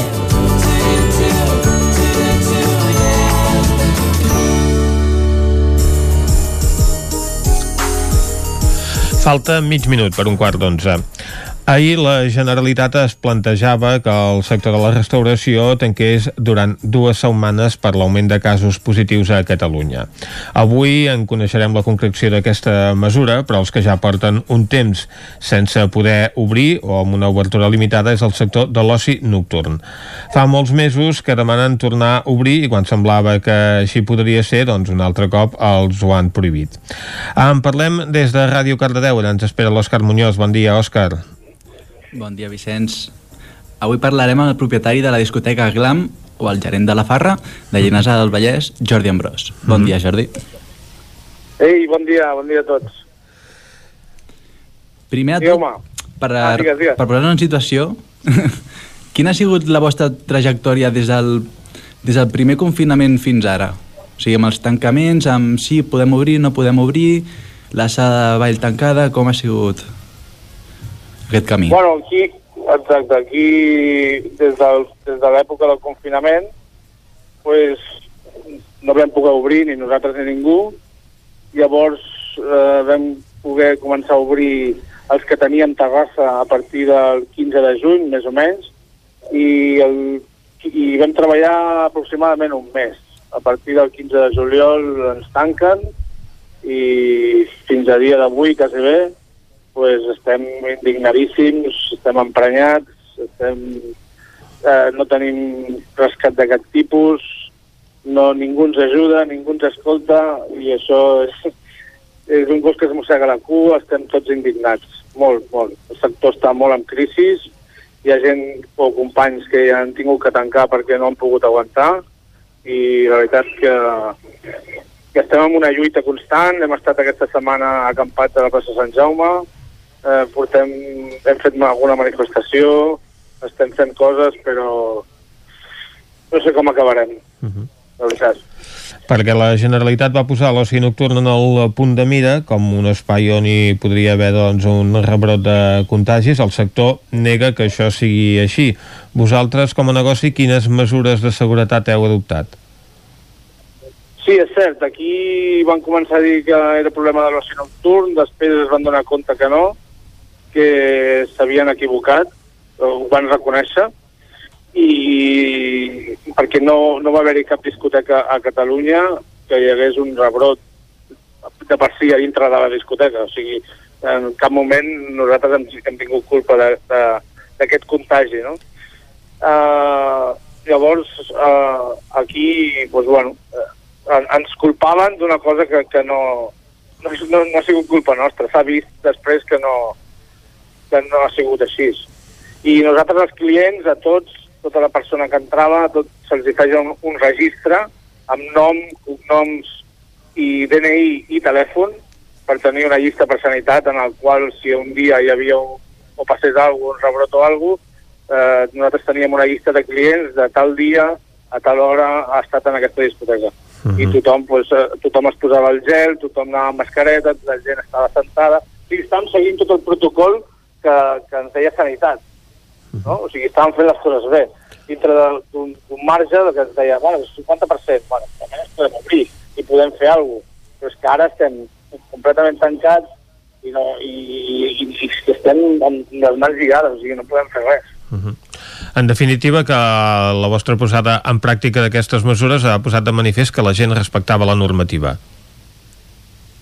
Sí, jo crec que sí. Al final la gent o el jovent que venia eh, amb ganes de sortir o, o de passar-ho bé, eh, sí, perquè li deia, hòstia, no et treguis la mascareta, has d'estar sentat, has de fer això, has de fer allò. Bueno, la gent ho respectava i la veritat que, que anaven funcionant i molt bé. Però clar, a partir d'aquí doncs, eh, ens tanquen i realment ara estem fotuts, estem fotuts. I ara, ara el que, com que el, que més ens emprenya d'aquesta pandèmia, o sigui, si hi ha una pandèmia és igual, vale, estem tancats, però el que ens van fer l'altre dia, que ja ens ho havien fet anteriorment, un divendres a les 7 de la tarda, amb les neveres carregades, amb el personal contractat, i a les 7 de la tarda ens diuen que no podem obrir cap de setmana, això va ser a, a, a l'estiu, i ara, tres quarts de lo mateix, La- l'altre dia, com ja sabeu, eh, ara sí, ara sí, i en 24 hores o menys ens diuen que no. O sigui, estàvem tots ja quasi bé preparats. I amb gent que, que ha comprat coses, que ha comprat taules, que ha comprat cadires per habilitar les discoteques, perquè tal com ho feien, i després s'han trobat que, que no s'ha no pogut obrir. I ara, el que estem demanant és un pla de rescat. Això és el que estem demanant. Eh, perquè ja sí que no ve- veiem que hi ha una pandèmia que no podem obrir, doncs almenys que algú que algú ens, ens, ens doni alguna cosa, o sigui, per, ja sigui per pagar els lloguers, la llum, tots els gastos mensuals que n'hi ha, que, que són moltíssims. Com a, al local, us havíeu reinventat el dir que tornàveu a obrir? O sigui, havíeu posat algun servei més a part de, de, de la música i de les copes? Bueno, la, com que a dintre encara no hem pogut obrir, que estàvem treballant a la terrassa, l'únic que havíem, havíem modernitzat aquest any en fer tot el tema de xixes, de fumar xixes i tal. Però bueno, en principi era una cosa per estar sentada i res més, i música ambient i, i poc més. No hem pogut fer gaire cosa més. Clar, la gent no ha pogut ballar, la gent no podia ballar. Formeu part del, del Gremi d'Empresaris de Discoteques de Barcelona i província. Eh, en què us ajuda el col·lectiu? Bueno, el col·lectiu eh, estem tots en allà, vull dir, estem tots ficats en allà i són és la nostra veu, no? Al, al, al final és la nostra veu que portadora que va a la Generalitat, que, que es fan les queixes, que es fan, hi ha, hi ha, un, hi ha un bufet d'abogats, vull dir, estem tots a darrere d'això. El que ens diuen és on creiem o, o, o fem, no? Perquè eh, la majoria de negocis doncs, es troben en una situació crítica, segons ens comentaves, i potser alguns ja no tornaran a obrir. Sí, sí, actualment ja hi ha gent del gremi que abandona. O sigui, nosaltres, jo estic en un, a, a dintre del gremi que tenim un, un grup de WhatsApp, ja vas veient que, que un es despedeix, que ho sent molt, que ja no pot aguantar. L'altre dia vam sentir inclús un propietari que s'havia suïcidat, encara no, no, no ho sabem del cert, però corria això. O sigui, clar, al final, quan tens una família, tens gastos, tens la Bíblia, pues, uh -huh. el, cap, el cap et dona voltes i quan veus que no, no tens cap ajuda de, de cap tipus, pues, eh, al final la Guardiola es buida. Clar. Perquè per molt que tinguis Guardiola, al final, pues, la, els mesos... Jo crec que no hi ha cap empresa que aguanti set mesos ingressant, ingressant 0 euros, o sigui, és que costa molt. Costa molt. Sí, tot té un límit. Em, el que havies dit abans, Llavors, de, que això, no havíeu... això, provoca, això també provoca que tinguis picabaralles amb els propietaris, saps? Mm. Perquè, clar, el propietari té un contracte que et diu, no, doncs jo vull cobrar tant cada mes. Clar, i això va a missa per ell. I, clar, i nosaltres eh, estem venguts. Ara va haver-hi un jutge de Madrid que va donar una raó a una discoteca i, i el jutge li va donar la raó, o sigui que no cobraria el lloguer mentre estigués la discoteca tancada i quan obrís, si la pandèmia durava, cobraria un 50%. Uh -huh. Clar, tot, tot això ens ha obert la llum a nosaltres aquí i ara els nostres gestors i abogats estem gestionant el mateix per aviam si aquí podem fer alguna cosa amb això. Clar, aquesta sentència pot establir un precedent, perquè el problema que tenen molts propietaris de locals és que han de continuar pagant el lloguer. Portem, doncs, eh, mig any o més de mig any que pràcticament no han pogut obrir, o no han pogut obrir alguns, de manera que la despesa de, del local aquesta s'ha d'afrontar igualment, encara que no hi hagin ingressos. Sí, sí, total, totalment. O sigui, si no, per molt, o sigui, si no pagues la llum ja saps que venen i te la tanquen. Si, si no pagues els impostos eh, vindran i te'ls reclamaran. Si no pagues el no sé què, saps? Vull dir, els gastos hi són contínuament, contínuament. I el del lloguer per, per, per suposat, no? Havies parlat abans de les ajudes. Ja no només a Generalitat, sinó més tema local. Des de l'Ajuntament no us han, us han rebut, no us han dit que tenim aquestes ajudes? Sí, de l'Ajuntament eh, vaig sentir l'altre dia que hi havia unes ajudes, però em sembla que són 750 euros que et donaven d'ajuda. Clar, com comprendràs, doncs, 7 mesos a 750 euros, eh, què fas? No fas res. No ajuda. No fas res, o sigui, són ajudes que no, que no ens porten enlloc, perquè el lloguer val ja el doble d'una- d'això, saps? Perquè en d'altres països els governs sí que han ajudat el sector. Sí, això és el que hem estat veient, sí, sí, Alemanya i països així, sí, inclús eh, 10.000 persones, ai, 10.000 euros per, per propietari. Uh -huh. I clar, això, això és, re- realment aquí veus que el govern funciona, no? A altres països perquè sí i a nosaltres perquè no. Uh -huh. Uh, sí, això és el, és el que més també indignats també. Uh -huh. Heu portat la reivindicació a la plaça Sant Jaume, on heu estat eh, acampats. Eh, com, com ha anat doncs, aquesta, aquesta experiència? No sé si heu pogut aconseguir el que us plantejàveu. La veritat és que no. No, no, no ha vingut ni un polític a preguntar res, ni, ni, ni algú de l'Ajuntament a dir res. Ahir va aparèixer la Guàrdia Urbana a les 10 de la nit i ens va dir que, que estàvem incomplint una normativa d'acampada a la ciutat, no sé què, no sé quantos, i que havien de, de, desallotjar en dues hores. Uh -huh. Per tant, eh, vam tenir que agafar els trastos i, i marxar, no? Uh -huh. I, i bueno, ara seguirem reivindicant o farem altres coses. L'altre dia vam fer una manifestació el divendres, o dijous, o divendres vam fer. Uh -huh. Vam fer una rua, vam fer una rua amb música i ballant, amb, bueno, a la Gran Via de Barcelona, vam fer un, un trajecte, i la gent ens va veure, els mèdics també, la premsa també, però bueno, aquí estem que, que aviam per on, per on surt tot això. Efectivament, una situació complicada al sector perquè fa una setmana doncs, es parlava de poder reobrir, hores després el govern, doncs, per indicació del Departament de Salut, canvia d'opinió i ara ens trobem ja que s'estan plantejant doncs, si han de tancar els propers 15 dies els bars i restaurants, de, ma de manera que la situació eh, epidemiològica sembla que empitjora i que s'ampliaran aquestes mesures restrictives. Esperem que es pugui resoldre ben aviat. Jordi Ambrós, propietari de locals nocturns de, de Llinars del Vallès. Gràcies per acompanyar-nos avui al Territori 17. Molt bé, moltes gràcies a vosaltres per la trucada. Gràcies. Nosaltres ara fem una pausa i tornem tot seguit.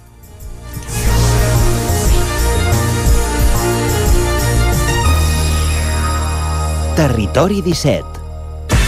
El nou FM, la ràdio de casa, al 92.8.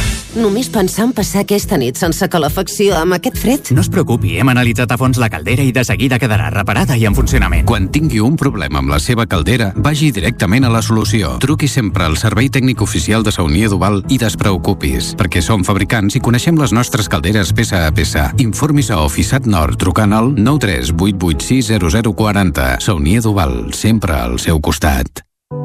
Cobertes serveis funeraris. Els nostres tanatoris estan ubicats en els nuclis urbans més poblats de la comarca d'Osona per oferir un millor servei. Tanatori de Vic, Tanatori de Manlleu, Tanatori de Centelles i Tanatori de Roda de Ter.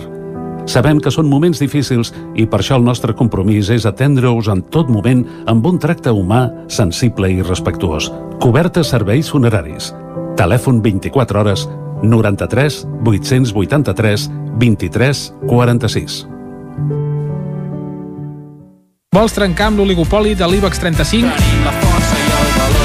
Apunta't al consum estratègic i comença a consumir serveis catalans.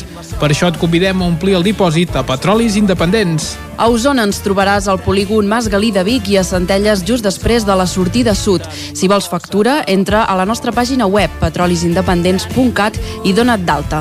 Comença a ser independent. Tenim la força de l'amor. Cocodril Club. Si t'agrada la bona música dels anys 60, 70 i 80, escolta el 9 FM els matins de dissabtes i diumenges d'11 a 1. És el temps del Cocodril Club, tot un clàssic de la ràdio, amb les bases del pop-rock, les llegendes, les cançons que s'han convertit en autèntics himnes. Recorda, dissabtes i diumenges al matí, d'11 a 1, al 9 FM 92.8. Cocodril Club, el programa revival de l'Albert Malla.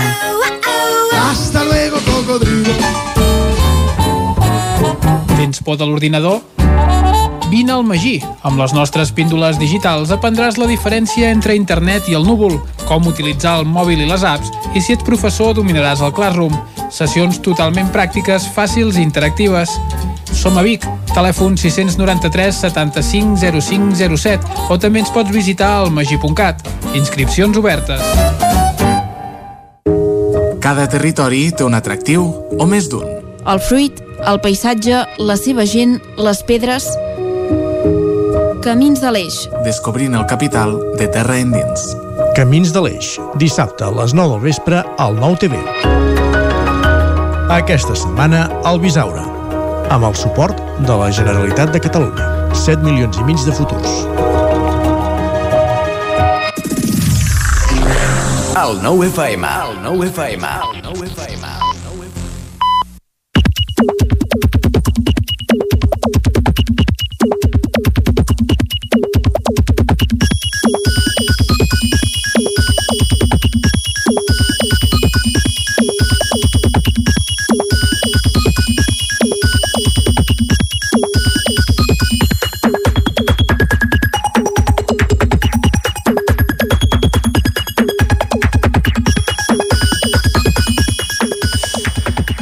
Arribats a aquest punt, a dos quarts d'onze del matí, sempre acostumem a llançar, a arribar amb les piulades, Vicenç, però avui capgirarem una mica l'ordre dels factors. Molt bé. I el que farem és anar cap a la taula de redacció, què et sembla? Sí? Doncs anem cap a la taula de redacció i parlem amb la nostra companya Caral Campàs. La Caral ens parlarà de la problemàtica que hi ha a Caldes de Montbui amb el sistema de recollida d'escombraries perquè sembla doncs, que hi ha veïns que no ho fan de forma deguda. Va, però abans eh, tirarem la sintonia, eh? Doncs ja va, aquí som, fem-ho, som-hi, va, fem-ho fem-ho ben fet.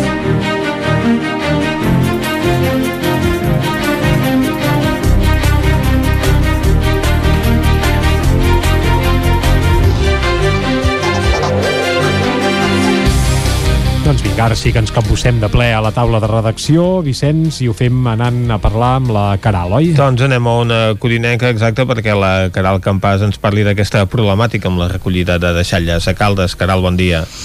Hola, bon dia, Vicenç. Doncs bé, sí, com bé comentaves ara mateix, um, des del consistori, ja, de fet ja és una problemàtica que ja fa uns anys que s'arrossega i que diferents veïns de, de la vila eh, denuncien a través de les seves xarxes socials. I és que mm, hi ha un augment de les males pràctiques mm, de forma reiterada en la majoria de punts on es fa recollida selectiva al poble. És a dir que mm, la, la gent actua de manera incívica eh, i, i diposita de tot, eh, des d'electrodomèstics, mobles, eh, o fins i tot deixalles orgàniques si abandonades directament a fora dels containers. Um, i bé, uh, això passa en, en molts punts de, de Caldes. Caldes té 100, 150 punts de recollida selectiva i això succeeix en la, en la majoria de llocs. Llavors um, la setmana passada des de l'Ajuntament van fer una roda de premsa on explicaven que des del regidor de Serveis Municipals, Jaume Mauri, comentava uh -huh. que des del consistori han fet diverses accions per intentar pal·liar aquesta situació per exemple, um, gairebé cada dia destinant un camió especialitzat que neteja els entorns d'aquests punts de manera que no es vagin acumulant els residus abocats al carrer. Comentava el regidor que aquest servei públic té un cost de 100.000 euros anuals uh, i també uh, explicava que des de principis d'any s'han començat a interposar denúncies, ara ja són unes més de 40 denúncies que s'han uh, interposat a persones que, que bé, que, que uh, dipositen um, residus de manera indeguda al costat dels contenidors. Um, aquestes més de 40 denúncies, um, a la roda de premsa on no van comentar que això va ser dijous passat, de fet deien que aquell mateix dia ja se n'havien posat uh, 5 més. Llavors aquestes sancions poden comportar mm, de 100 a 300 euros de multa segons li, si la persona és o no reincident. I bé, com comentava eh, hi ha aquest camió que passa cada dia també s'interposen eh, multes i també comentava que hi ha un servei de, gratuït de recollida de voluminosos que tu pots trucar a l'Ajuntament i es pacta el dia i l'hora i et passen a buscar per casa el que sigui voluminosos que fins i tot poden ser mm, una torradora o coses més, més petites. Davant de totes aquestes accions que, que fan des de l'Ajuntament i veient que, que això no millora, eh, el que comentaven és que a partir d'ara destinaran un vehicle amb càmera de videovigilància que es desplaçarà a aquests punts negres i així podran denunciar també les persones identificades, perquè comentaven que el problema que tenen sobretot és l'anonimat en això, no? que tu passes per allà i veus eh, aquestes muntanyes de deixalles però no saps qui, qui, qui les ha deixat allà i llavors eh, van comentar que a partir d'ara doncs, eh, instaurarien aquest servei, bueno, aquesta vigilància amb un vehicle amb, amb, una, amb una càmera. Uh -huh. I, i després també comentaven que no s'han marcat una data de finalització d'aquesta acció sinó que ho allargarien fins que la situació afluixi. I, i és això una mica el que explicaven. També el que finalment el que comentava Mauri, que regidor de serveis municipals és que ell considera que uh, aquesta situació um, genera dos problemes um, grans al poble. Per una banda, um, pel que fa a la mobilitat, ja que les voreres queden tallades pel gruix de, acumulat d'escombraries i posen en perill els vianants que, que en comptes de caminar per la vorera han de caminar per la, pel centre de la carretera eh, i per l'altra banda per un tema de salut pública, uh -huh. perquè segons el regidor eh, hi ha hagut un augment de, de rates als carrers. De fet, en aquesta roda de premsa on ho explicaven, que estàvem situats en un punt d'una urbanització de la vila, assenyalava diversos nius de rata que hi, que hi, ha, hi havia al costat dels containers on, on estàvem situats i també alguns cadàvers d'aquests animals. Uh -huh. Perquè la, la possibilitat doncs, de modificar el sistema de, de recollida i eh, adoptar uh mm. -huh. doncs, aquest eh, sistema que s'està provant o aplicant ja en alguns municipis de eh, contenidors que funcionen amb xip, no sé si aquesta possibilitat doncs, se l'ha plantejat a l'Ajuntament de Caldes perquè podria, mm. en aquest cas, doncs, eh, permetre la identificació de tots els usuaris d'aquests contenidors, no? Mm, uh, no, no van comentar aquest sistema, no es va explicar que s'hagués contemplat la possibilitat. Clar, en aquest sentit no sé fins a quin punt la despesa uh, quin, uh, quan augmentaria. Ah, exacte, Clar. té, té un cost aplicar, aplicar aquesta tecnologia, però mm -hmm. si més no, és una manera doncs, de permetre la identificació d'alguns mm. dels veïns doncs, que fan un mal ús del sistema, tot i que evidentment quan estem parlant de voluminosos, com que aquests no no queben a cap contenidor no? Uh, l'única manera doncs, d'identificar-los és això, poder tenir les imatges del moment en què es produeix la infracció Sí, i també eh, comentaven això, no? aquest servei gratuït de recollida de, de voluminosos que hi ha a l'Ajuntament, que només s'ha de fer un truc i passen a buscar per casa en el dia i l'hora eh, fixada. I també comentar-vos que eh, precisament a les urbanitzacions hi ha instaurat el sistema de recollida porta a porta. Um, de fet, uh, passen, no, passen els dilluns i el problema és que um, el que apuntava el regidor és que hi ha molta gent eh, estiuejants o -huh. gent que ve els caps de setmana que llavors se'n va el diumenge i clar, en comptes de, de passar a buscar porta a porta doncs ho deixen allà tirat al costat de, del container um, i bé, per altra banda això que apuntaves ara també de, dels, dels voluminosos um, un dels tècnics que hi havia a la roda de premsa també comentava que si ja fas l'esforç d'agafar el moble o d'agafar l'electrodomèstic i portar-lo al costat del container, per què no portar-lo a la deixalleria o fins i tot trucar en aquest servei del consistori. Uh -huh. D'acord, doncs moltes gràcies, uh -huh. Caral. Teníem Vosaltres. seguint també aquesta problemàtica, si es va resolent a Caldes de Montbui. Ara anem a una última hora, uns premis que es van lliurar ahir al vespre, en concret els del BBVA de Teatre, Isaac Moreno. Bon dia, molt hora. Ja no, ha passat tota la nit. Ja. Ha passat tota la nit, però evidentment sí que és un premi que vam poder seguir ahir la nit a través del Nou TV. Sí, de fet, una de, de les pretensions de la Fundació Antigues Caixes, que és qui organitza aquests premis que arribaven a la vintena edició, era poder fer la gala eh, com que es veien dificultats de poder fer la gala en públic oberta, es va decidir fer-lo porta tancada, però que tingués una finestra a l'exterior, en aquest cas a ser el Nou TV i el, i el 99.cat, però no es va poder seguir en, en directe. Uh, la gala es va fer, com dèiem, a, l'Atlàntida de Vic, on es va fer els darrers anys. Recordem que el Premi BBVA Teatre és l'herència del que inicialment era el, el, el, la mostra de teatre de Caixa, el Festival de Teatre de Caixa Manlleu. Ha derivat en aquest premi dedicat a companyies professionals i la guanyadora, l'espectacle guanyador és Accions de Resistència de la companyia Susana Barranco. Això, com dèiem, es va saber ahir, al final d'aquesta gala, que va durar encara no una hora, que es feia a l'Atlàntida i que presentava l'actor Marcel Tomàs, que mira, té la, la característica que fa 10 anys va ser el guanyador d'aquest premi. Carai. Uh -huh. Un premi dotat amb una gira per teatres de Catalunya, veurem ara si es podrà fer o no, eh, una gira dotada amb 20.000 euros amb teatres com poden ser l'Atlàntida mateix o el Teatre Sant Cugat, etc etc. Eh, i que, i que de fet dèiem això, veurem si es podrà fer la gira tenint en compte les, la, la situació de, de pandèmia, perquè això també hi ha endarrerir la gala, aquesta gala normalment es fa el mes de maig Uh -huh, i es va haver d'ajornar i s'ha acabat fent el, el 13 de- d'octubre com dèiem, una gala La presentada és que es pugui fer, no? Si Correcte. no és en els propers mesos i s'ha d'esperar una mica més, però que almenys aquesta gira es pugui dur a terme. Exacte. La gala, com dèiem, presentada per Marcel Tomàs, que apareixia a l'escenari fent una petita interpretació. De seguida apareixia en Joan Roura, director del Premi, també, però en la seva func- faceta d'actor, diguéssim, dient-li que allò en aquell moment no tocava, que el que s'havia de fer era presentar la gala, presentar aquest Premi BBVA de teatre, i on també hi va comptar amb la, amb la presència d'Àlex Casanovas, diguéssim, president de l'Associació d'Actors i Directors Professionals de Catalunya, que van lliurar els altres dos premis de la nit, el Premi a la millor interpretació i a la millor direcció, que van ser tots dos per, per la mateixa espectacle, per Ángela Palacios i Carlos Martín Peñasco, per l'espectacle So- Lo creó en el fuego de la companyia Los, Los Prometidos. Va ser la- la- l'altra gran triomfadora de, de la nit, per, en, per entendre'ns. Uh, ahir a la gala hi arribaven tres, tres finalistes, com dèiem, dos es van endur aquests, entre, entre aquestes dues companyies es van endur tots, tots els premis. Si volem podem repassar una mica de, de què anava aquest, aquest espectacle guanyador. Accions de resistència mostra una possible societat futura on néixer, viure, treballar i morir i esdevenir una peça més de l'intercanvi mercantil. A l'obra es barregen la creació documental, l'espai escènic i el text, creant una atmosfera postdramàtica que se situa entre la realitat i, i la ficció. Es tracta d'una crítica i una reflexió sobre la incertesa a la qual estem sotmesos i sobre el tipus de sistema econòmic que, habiten, que habitem i, i fem créixer.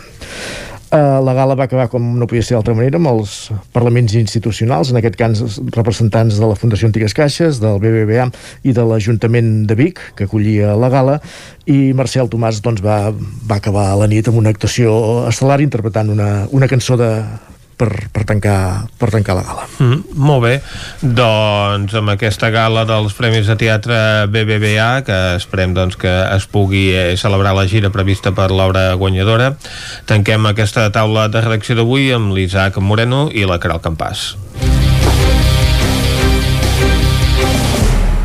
Territori 17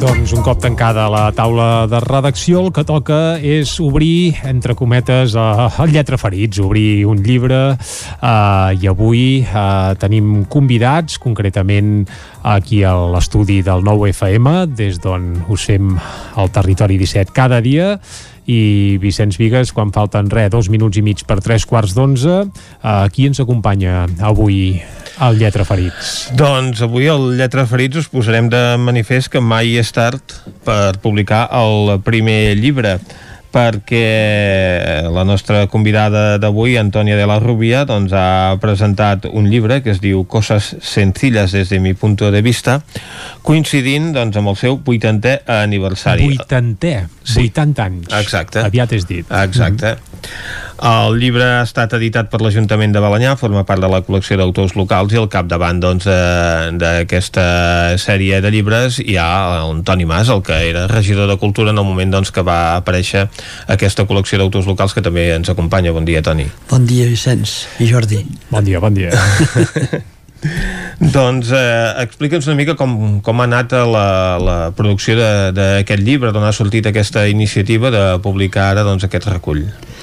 Em sembla que va ser quan vaig anar un dia amb la tertúlia literària, que és una, una reunió que fan cada setmana eh, fins ara, fins no fa massa, es dirigia l'Amadeu Lleupart, que ara és alcalde de Tona, uh -huh. i en aquesta reunió em sembla que era un dia que parlàvem de la poesia, i se'm va convidar i vaig presentar que, bueno, vaig dir que feia el llibre de Miquel Bosch que va editar l'any passat i resulta que hi va haver algú que va dir, no sé ben bé qui, que va dir eh, perquè l'Antoni de Rovira llegia les seves poesies, va dir Antoni Mas li podria fer un llibre d'aquesta senyora. I va, ah, estaria bona idea, però va quedar aquí.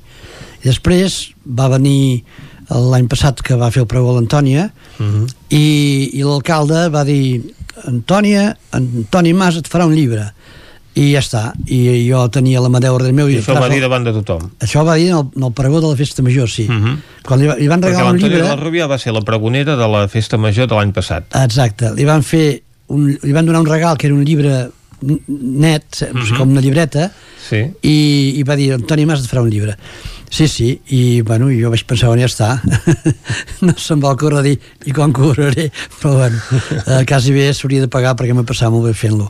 I a partir de llavors em vaig dedicar a anar agafant tot el material que tenia ella amb això de la pandèmia teòricament havia de sortir a l'abril però vaig pensar no havia pas d'un temps i anava fent i de cop i volta un dia em ve a casa l'Antoni em diu estarà para mi aniversario este libro i, ostres, dic, on és? Diu, el 24 de setembre. Dic, ma casa, un dena, ja pots començar a córrer.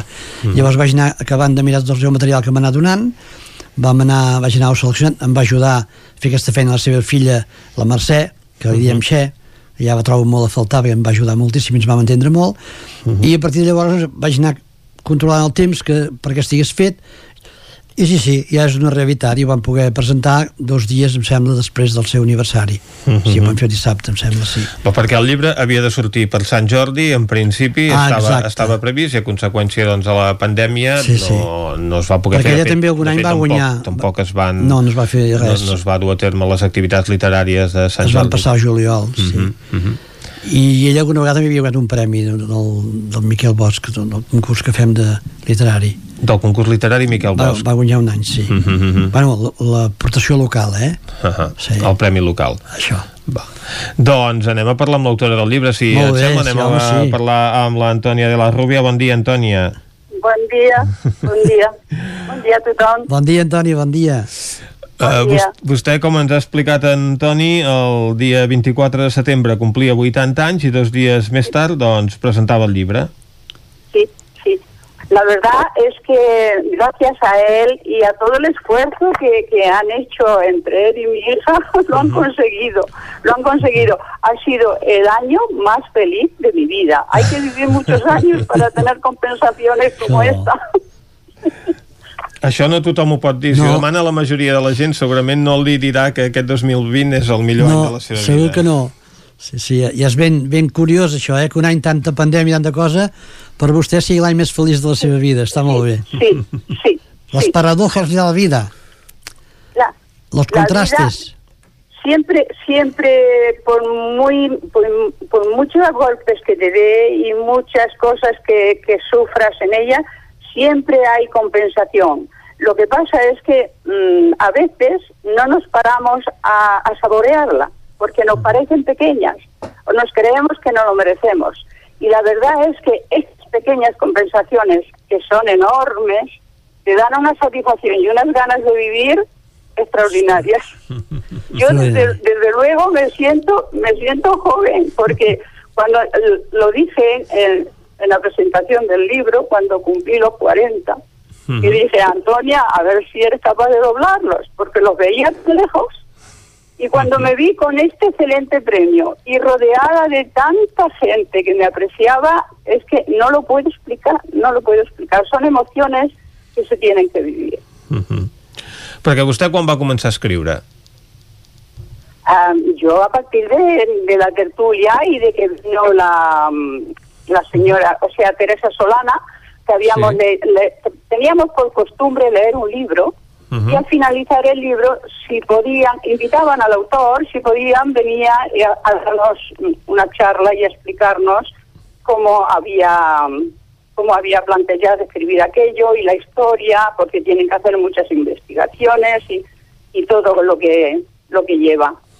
Y yo para agradecerle eh, el que nos hubiese hecho vivir en su historia, le dije una pequeña rima. ¿La digo?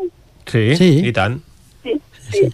Bueno, yo le dije para agradecérselo, le digo, el día que tú naciste, sin llegarlo a sospechar, eres para mucha gente co- compañía en su soledad, porque cuando ya somos tan mayores y, y tenemos esta ilusión por vivir, el- lo mejor que va es la lectura, porque la lectura te hace vivir en todos los, en todas las épocas, en todas las historias, en los viajes.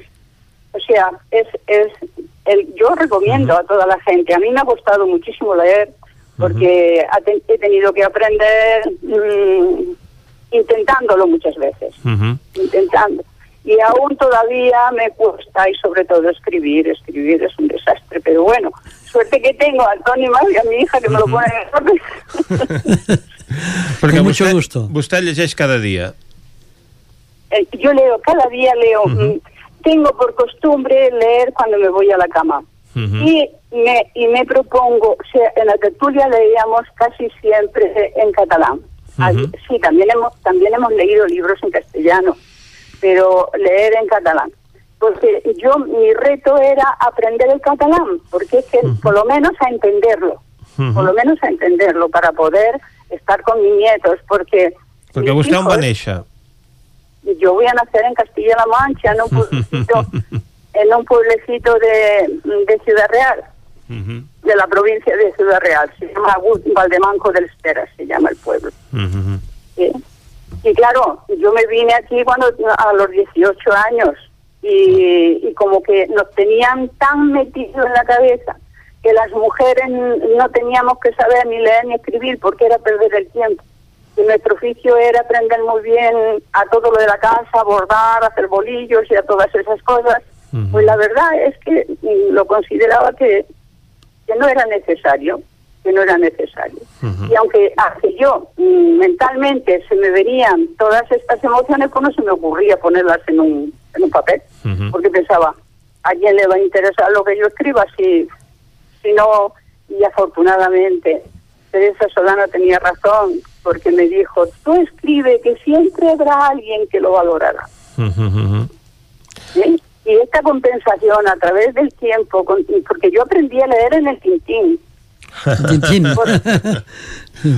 porque porque mm, había una vecina que su, su hermano estudiaba en Almadén y le, le traía los los los tintín que, que él cuando venía a verlos porque eran tres hermanos pero solamente el chico estudiaba las chicas no.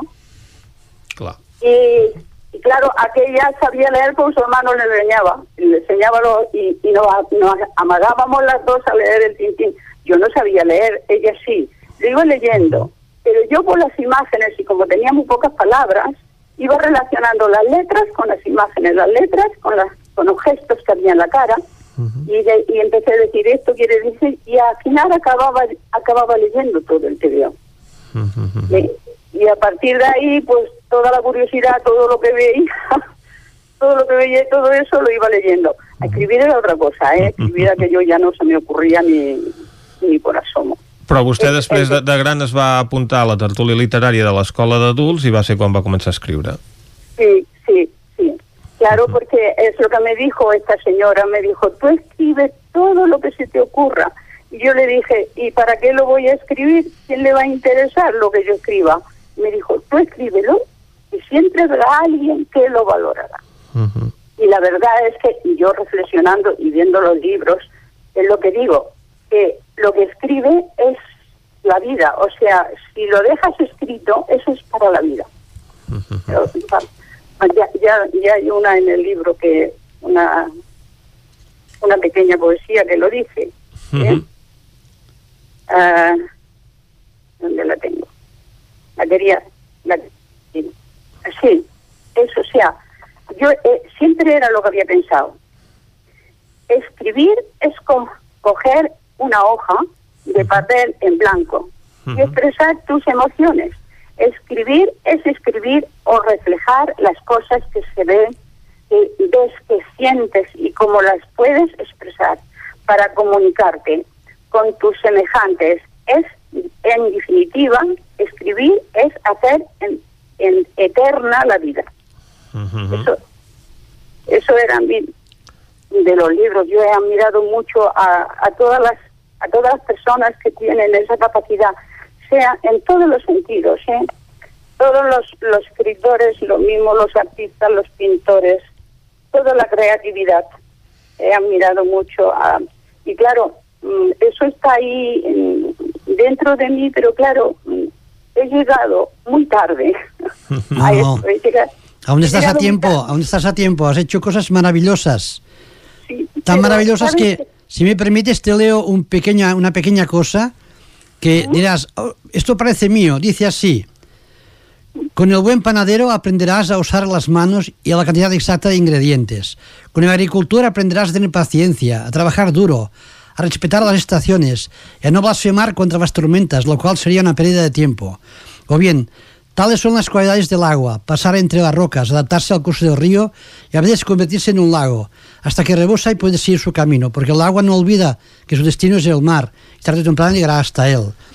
O este que dice, Únete a los que jamás han dicho se acabó, aquí me quedo. Porque igual que el invierno le sigue la primavera, nada termina. Una vez alcanzado el objetivo, hay que comenzar de nuevo, emplean- empleando en todo momento lo que has aprendido en el camino.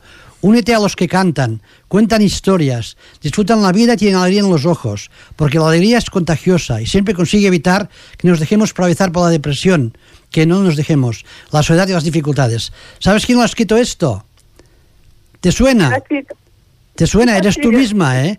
Pues mira, lo ha escrito un señor que se llama Paulo Coelho, el camino del arquero que salió hace pocos días a la venda. ¿Te imaginas? Pues este señor dice lo mismo que tú, pero él tiene fama y tú aún no la tienes, pero si llegas a 180 años la vas a tener.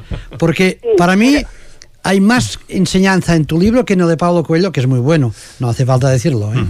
Para Home, que en, el pròleg de, del llibre, la Mareu Lleopard, que és el professor que ella tenia a la Sí. tertúlia i actual alcalde de Tona, Lo admiro, lo admiro muchísimo, a Amadeo lo admiro, siempre lo he admirado, porque es una persona que cuando habla, o sea, no solamente habla con la voz, es me lo retransmite, es, es- o sea, le da vida, le da vida al, al sentido de las cosas. Por lo menos yo así lo percibía.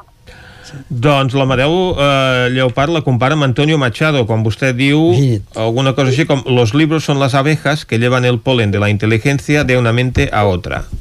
Sí, pues yo no he leído ni a Machado ni a ninguno, eso es lo Por eso te digo que si ellos supieran lo que escribes, dirían, esta señora es mejor que nosotros. Bueno, uno aún no- ya no está. También es muy bonita una cosa que hiciste un día, por, por esto de, la- de las, de las fiestas de, de San Jordi, que era el punto del libro. ¿Te acuerdas del punto del libro? Ay, sí, el punto, el punto del libro. Es, es que es que yo cuando leíamos las historias, Sí. digo, claro, tenía el punto del libro que lo iba cambiando de libro en libro. Claro. Y unos eran trágicos, otros cómicos, otros... Y yo digo, tiene que ser muy sabio, ¿eh? Claro, y por eso digo, un punto del libro que soy. que saber, nadie que sabe más que yo, de aventuras y tragedias, de intrigas y desamor, de venganzas y engaños, de heroínas y héroes que sufrieron con valor. Suerte que soy de papel y no tengo corazón. Punto del libro.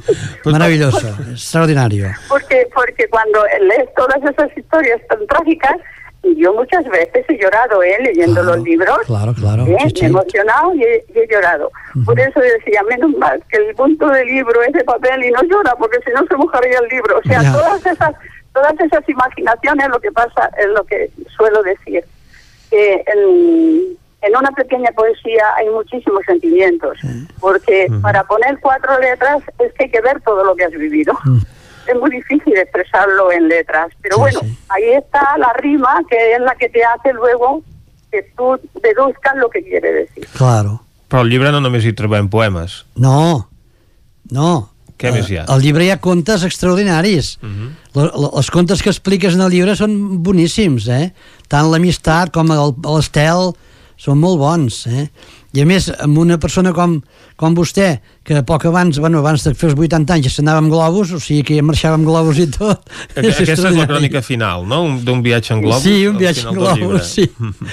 és molt bo, és molt bo. És Perquè com extraordinari. s'han ordenat les obres? Toni? Ah, bé, sí, hem intentat ordenar-les des del punt de vista cronològic, Mhm. però no ho hem fet bé, Ah. perquè ja m'han sortit persones que són afectades pel, bueno, que són poemes dedicats a ells, Mhm. i resulta que, que no eren aquest temps. Per exemple, hi ha un dedicat a l'Anna, per les eleccions, i el van posar... Ah, l'Anna Magí amb l'alcaldessa. Sí, el va- L'exalcaldessa, vaja. Sí, el van posar el 2011 i era del 2015. Mhm. saps? Però vull dir, bueno, quan tornem a fer l'edició, quan es venguin tots, eh, que els podeu comprar, si voleu, a l'Ajuntament, de moment, després mirem on, pel preu de 10 euros, no com el Paulo Coelho, que és un llibre, una quarta part del teu i en val 16 o 17. Home, aquest llibre és bastant voluminós, aquest llibre que Aquest és bastant voluminós, hosti, té 250 pàgines. Mhm. I no hi han no hi han tantes pàgines en blanc com els que fan avui dia, eh? que avui dia abans de començar hi ha 4 o 5 pàgines en blanc. Mhm.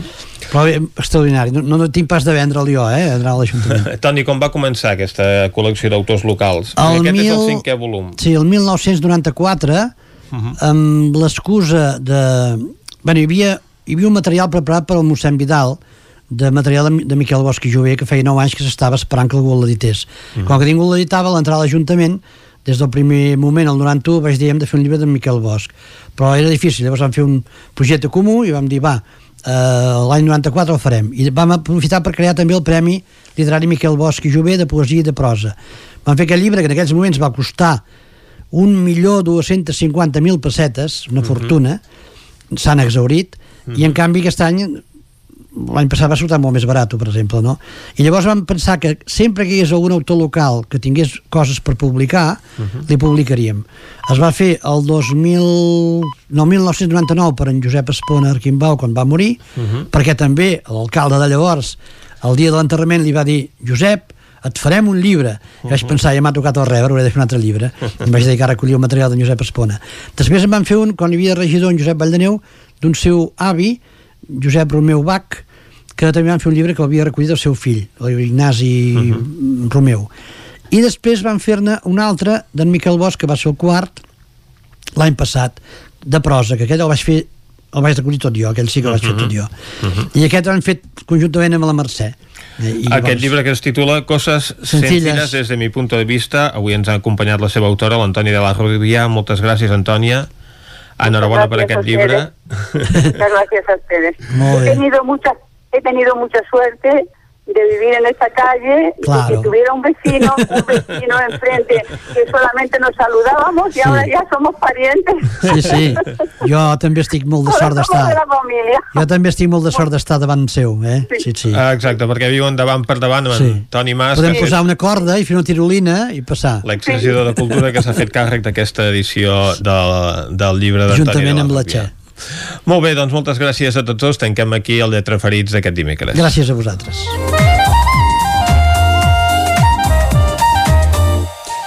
I quan són les 11 i un minut i mig, torna la informació de les nostres comarques, les comarques del Ripollès, Osona, el Moianès i el Vallès Oriental. Territori 17, amb Vicenç Vigues i Jordi Sunyer.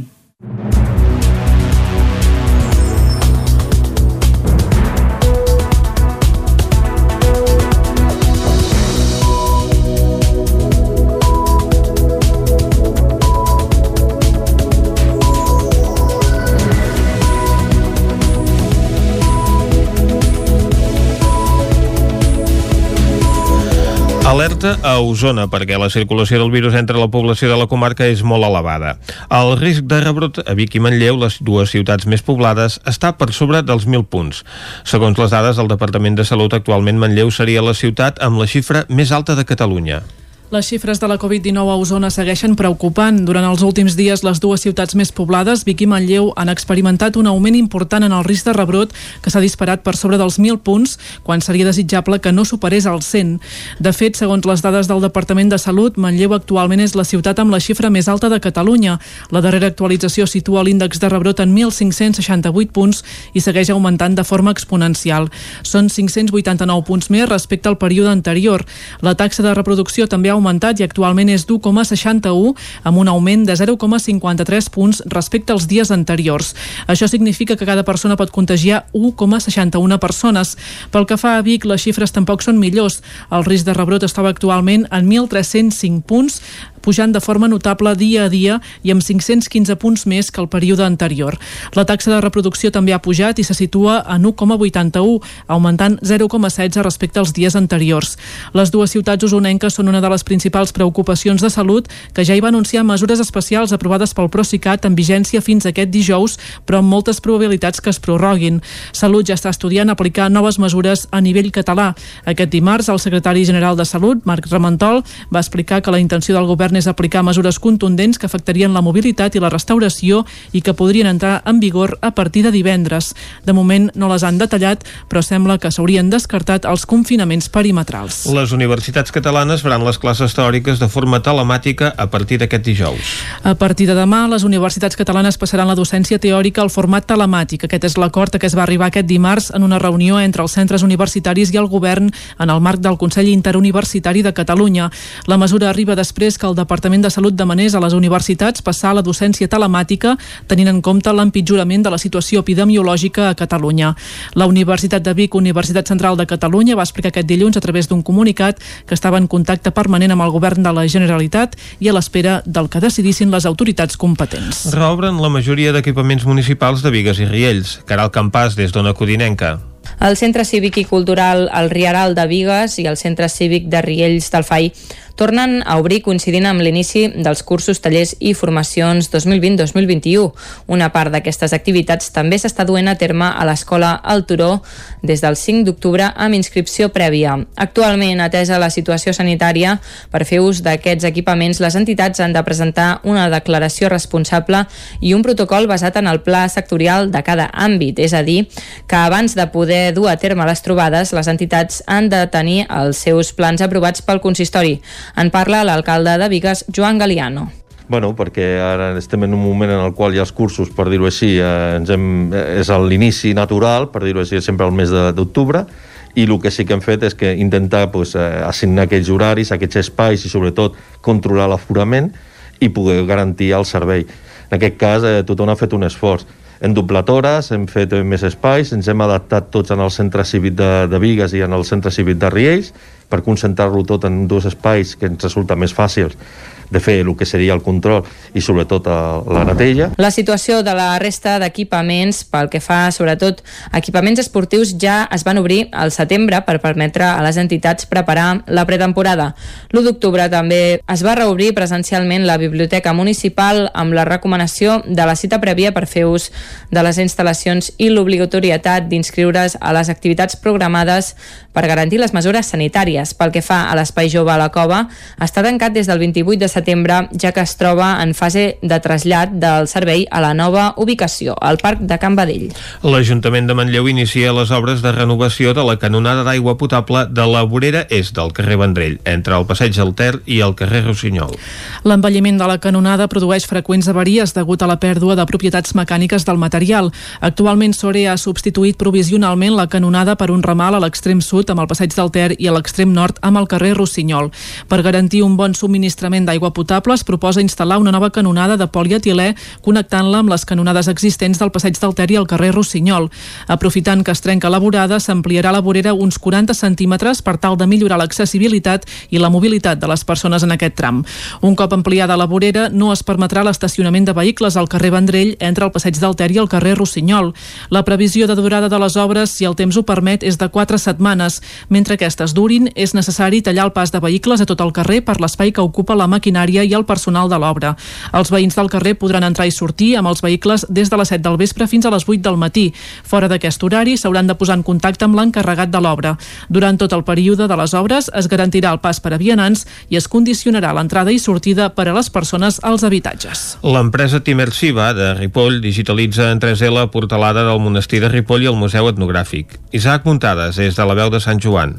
En Armengol va decidir fer un canvi radical a la seva vida i després de treballar en el sector sanitari durant 7 anys va posar-se a estudiar màrqueting i publicitat a la Universitat Oberta de Catalunya. Des del 2017 és la cap d'equip de Trimersiva, una empresa ripollesa que crea recorreguts virtuals immersius i treballa amb el sistema líder mundial en captura d'espais en 3D d'alta qualitat. Armengol té el despatx a casa seva i compta amb l'ajuda del seu soci, que és enginyer, a més de la col·laboració d'un dissenyador gràfic autònom. Trimersiva es dedica a digitalitzar espais petits com comerços locals, però hi afegeix un plus de qualitat amb explicacions detallades del que ofereix l'establiment. Podem escoltar Armengol parlant-ne. A dins del comerç tu pots ficar diferents punts informatius de lo que el, el comerç vulgui potenciar. Per exemple, hi ha comerços doncs, d'estètica, no? doncs volen potenciar les seves marques, diferents vídeos, posant també a les seves xarxes, posant horaris, posant fins i tot agenda virtualment. No? Doncs això ho poden penjar tant a la seva web com ho poden penjar amb Google Street View, que també bueno, estem, estem en partners a Google Street View, com també ho poden penjar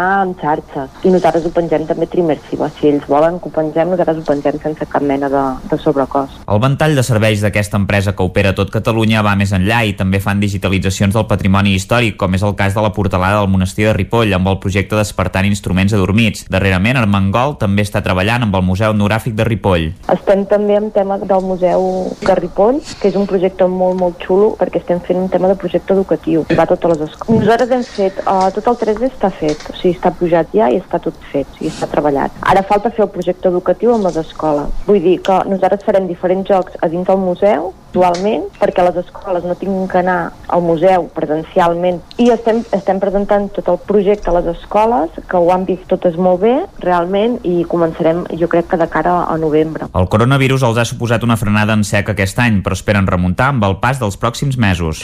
El Museu de Cardedeu activa un joc nou de pistes pels carrers i entorns naturals del municipi per realitzar amb l'aplicació mòbil Aventurico. David Oladell, de Ràdio Televisió Cardedeu. A partir d'aquest cap de setmana de pont i dins les Jornades Europees del Patrimoni, el Museu Arxiu Tomàs Balvei de Cardedeu ha activat els Enigmes de Cardedeu, un nou joc de pistes pels carrers i entorns naturals del municipi per realitzar amb l'aplicació mòbil Adventuric. Una aventura per fer solo en família i conèixer la història, el patrimoni arquitectònic i natural de Cardedeu i al mateix temps guanyar premis i recompenses. Els Enigmes de Cardedeu consta de dos itineraris, un pel centre de la vila per conèixer el patrimoni històric i arquitectònic i un altre per l'entorn natural del municipi per descobrir els boscos, camins i parcs. Tot el joc es desenvolupa a partir d'un personatge que s'ha d'endevinar qui és i els acompanyarà per tota l'aventura i camins. Al final de cada itinerari, els participants podran completar l'activitat amb el que anomenen un bonus track al museu, amb la finalització del qual guanyaran un premi. Amb aquests dos recorreguts es vol ampliar l'oferta turística, cultural i d'oci vinculada al territori, a la seva història, al producte de proximitat i al passat modernista que va convertir a Cardedeu en destí d'estiuets de part de la burgesia barcelonina de principis del segle XX. I fins aquí el butlletí informatiu que us hem ofert amb les veus de Vicenç Vigues, Clàudia Dinarès, David Auladell, Caral Campàs i Isaac Muntades. Ara, abans de seguir endavant i anar cap al territori sostenible, el que ens toca és fer un repàs i un cop d'ull a la situació meteorològica.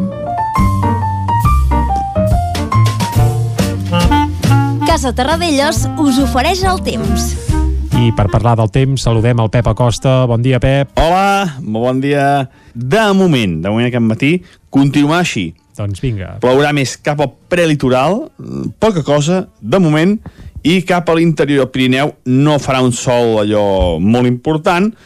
Hi haurà sol i núvols, però sí que la situació serà més tranquil·la que no pas cap al prelitoral. De cara a la tarda es aniran nuvolant més i la possibilitat de tempestes fortes serà, eh, anirà guanyant cos, sobretot cap al prelitoral, com deia, el Vallès Oriental és la zona de les nostres comarques que hi ha un avís del Servei Meteorològic de Catalunya que les tempestes poden ser importants avui, sobretot de cara a la tarda. Tot i que cap al Moianès i Osona no es descarten. Com més cap al nord, més cap al Ripollès, menys probabilitat de tempestes fortes, tot i que també caurà pluja. Eh? Al final del dia, jo crec, jo crec que es poden acollir entre 5 i 10 litres eh, cap al nord de les comarques i al prelitoral es poden acollir poder una tempesta pot superar els 30-40 litres. Hem d'estar atents perquè poden ser tempestes bastant fortes. Aquest, vent, aquest front de nord, aquest eh, front que ens està creuant avui, ens porta vent de nord i això farà que la temperatura torni a baixar. Avui serà un dia bastant fresc, bastant fred fins i tot a les zones de muntanya, eh, degut a això, aquest vent de nord que ens porta aquest aire fred, que farà que el vent sigui bastant moderat, moderat a partir de, de les properes hores, sobretot a les zones de muntanya, pot superar 60, 70, 80 km per hora i les temperatures baixaran 4 o 5 graus respecte a ahir. Ahir vam tenir màximes, això de 20-23 graus, les màximes. Uh -huh. Avui amb prou feines passaran aquests 20 graus a les zones més càlides de les nostres comarques. I això és tot. Moltes gràcies. Fins demà. Vinga, Adéu. gràcies a tu, Pep. Salut i fins demà. Casa Tarradellas us ha ofert aquest espai. I ara anem cap al territori sostenible.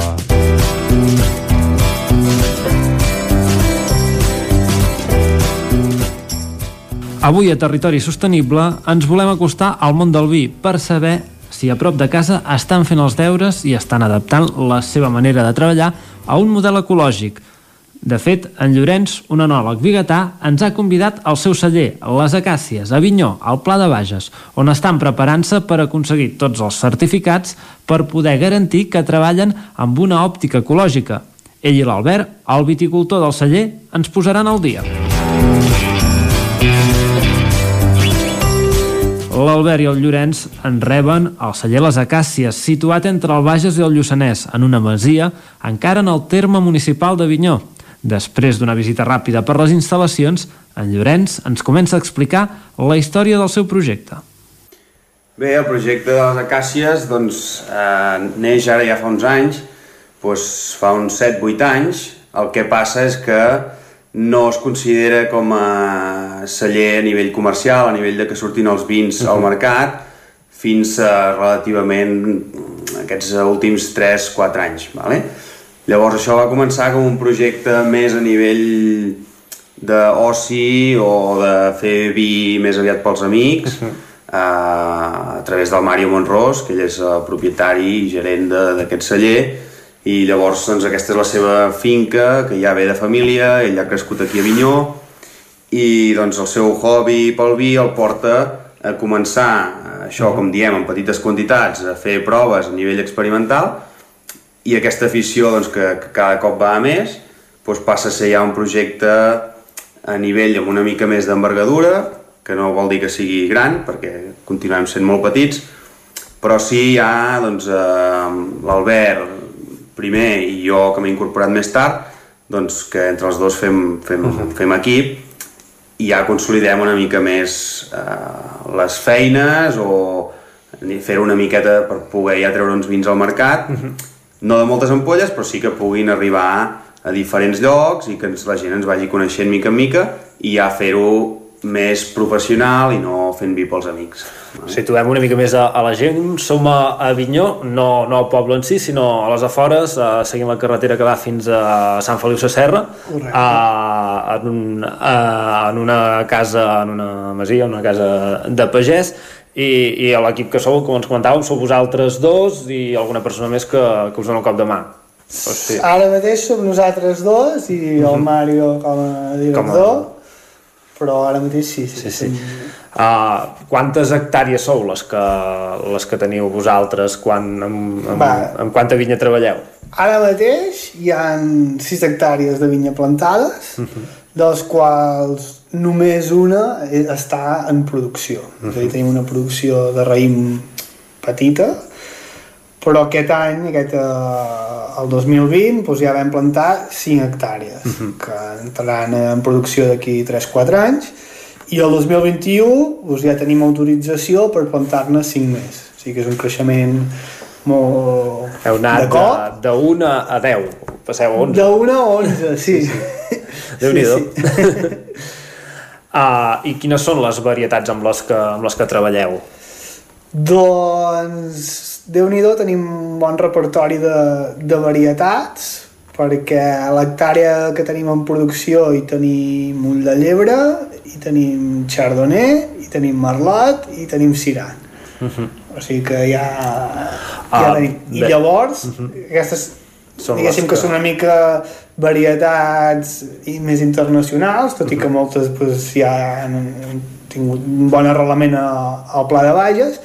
Llavors, del que hem plantat, incorporem varietats com són la garnatxa negra, el mandó, Uh -huh. i llavors hi haurà sumoll, picapoll blanc i picapoll negre. I macabeu. I macabeu. Uh, a l'hora, com, com us ho feu a l'hora de triar la, les varietats? O sigui, mm, deixem reduir molt les primeres que veu, que veu plantar, la- d'aquesta primera hectàrea. Com, com és que veu apostar per aquestes varietats? Bueno, aquesta primera hectàrea eh, es va plantar, de fet, abans de que arribéssim eh, nosaltres dos. I, bueno, una mica al gust de, del Mario, que en, aqu- en aquells moments pues, tenia aquests interessos. Ara, quan aquest any vam plantar la, la, les altres cinc, doncs, bueno, vam fer bastant debat, vam, te, vam provar molts vins i vins d'aquí al Bages, dir quins perfils segons la varietat, mirant una mica la zona on estem, que també és una mica concreta, bueno, és una zona concreta Quina, del Bages. quines particularitats té la, la zona on esteu vosaltres? que- doncs aquí anem una mica eh, més tard, eh, tant a l'entrada de brotació com a, com a maduració del raïm. Uh -huh. Això és una particularitat. Llavors també tenim una mica de risc de glaçades aquí. Uh -huh. Clar, no, no esteu ben bé al, al pla de Bages, però tampoc sou al, al sostre de... No, no sou Santa Maria d'Oló, Sant Miquel, per exemple, que està allà als 800 i pico, Clar. o algun altre celler que hi ha més cap a... No, però en canvi sí que som dels que estem bastant més al nord. Sí. En alçada no, però en... Uh, en, en la- latitud en sou el, esteu més cap al nord, és som veritat. bastant dels que estem més al nord. No sé si el que més, Sí, gairebé esteu tocant ja el Lluçanès, diguem, no? Sí. De... Sí, sí, sí.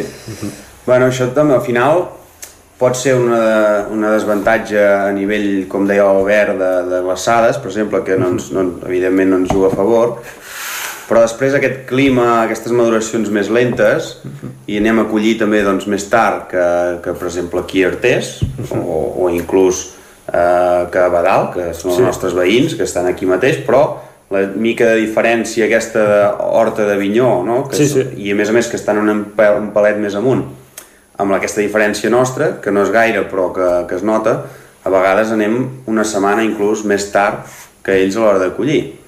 Llavors això no és ni bo ni dolent, sinó que és, és diferent, no? Ens dona eh, unes maduracions un pèl potser una mica més lentes i un estil de vins doncs, eh, un pèl també diferents i això doncs, intentarem que ens jugui al nostre favor, és a dir, en el sentit d'elaborar vins més frescos, eh, amb més fruita, més expressius, i llavors això poder voldrà dir canviar algunes altres coses, com pot ser les criances amb, amb fusta, amb barriques, doncs igual reduir-les una mica, o anar a buscar més l'expressió d'aquí a Vinyó i intentar, doncs, ja que tenim unes particularitats a nivell de clima i a nivell de situació, doncs aprofitar-les i, i fer vins també més especials o més únics, no?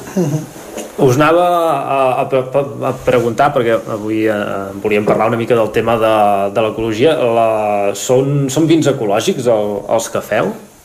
Nosaltres actualment, tot i que ho hem parlat i que hem decidit que volem inscriure'ns al, al CCPAE, que és el Consell Regulador de, de Catalunya de l'Agricultura Ecològica, encara no hem entrat a, als tràmits. Llavors, de moment no estem inscrits, i, però sí que la tendència als treballs que fem a, a la vinya és a, a fer treballs amb, que entrarien, diguéssim, dintre del, d'aquestes pràctiques. Com dic, de moment encara no estan inscrits i, i hi ha hagut algun cop que podem fer algun, algun tractament o així, però en general anem cap a l'ecològic i alhora eh, inclús ens agradaria fer un, un, un pas més i de fet amb això ja hem començat una mica i intentem fer un treball que respecti i que potenciï i que regeneri, regeneri la vida del sol perquè entenem que és la manera de tenir raïms més de qualitat i, i alhora contribuir també a capturar carboni, una lluita cap, amb el, contra el canvi climàtic i sí que anem fent passos cap aquí. Treballem també molt en preparats vegetals, a reproduir microorganismes del bosc que els apliquem a la vinya per tal que hi hagi com una fauna al mateix sol que, que ens ajudi i que ens potenciï la, l'expressió de, de, del lloc on estem. Clar, per, per fer una mica de pedagogia, per considerar que un vi és ecològic, què, què no hem de fer servir? O sigui, què, com hem de treballar? Què és, el, què és el que no hi pots posar a, en el vi? O com l'has de treballar a la vinya? Principalment uh, no fer servir uh, sistèmics a l'hora de tractar contra els fongs. Uh -huh. Això aquest any ha estat un any molt complicat sí, perquè... uh, per tots els viticultors perquè la part ecològica pues, s'ha mostrat una mica feble amb la climatologia que hem tingut i, i, i molta gent pues, ha perdut uh, part important de, del raïm i per l'altre no fer servir uh, perdó, ara em sortirà el nom, uh, químics per matar les herbes i... Mm -hmm. Herbicides. Herbicides, correcte. Això a l'hora de, de, de tractar la vinya, llavors a l'hora de fer el procés de, de, de vinificació, també també s'ha de seguir algun tipus de pauta uh, per complir els paràmetres ecològics? Sí, també hi ha unes normatives a nivell de celler, uh -huh.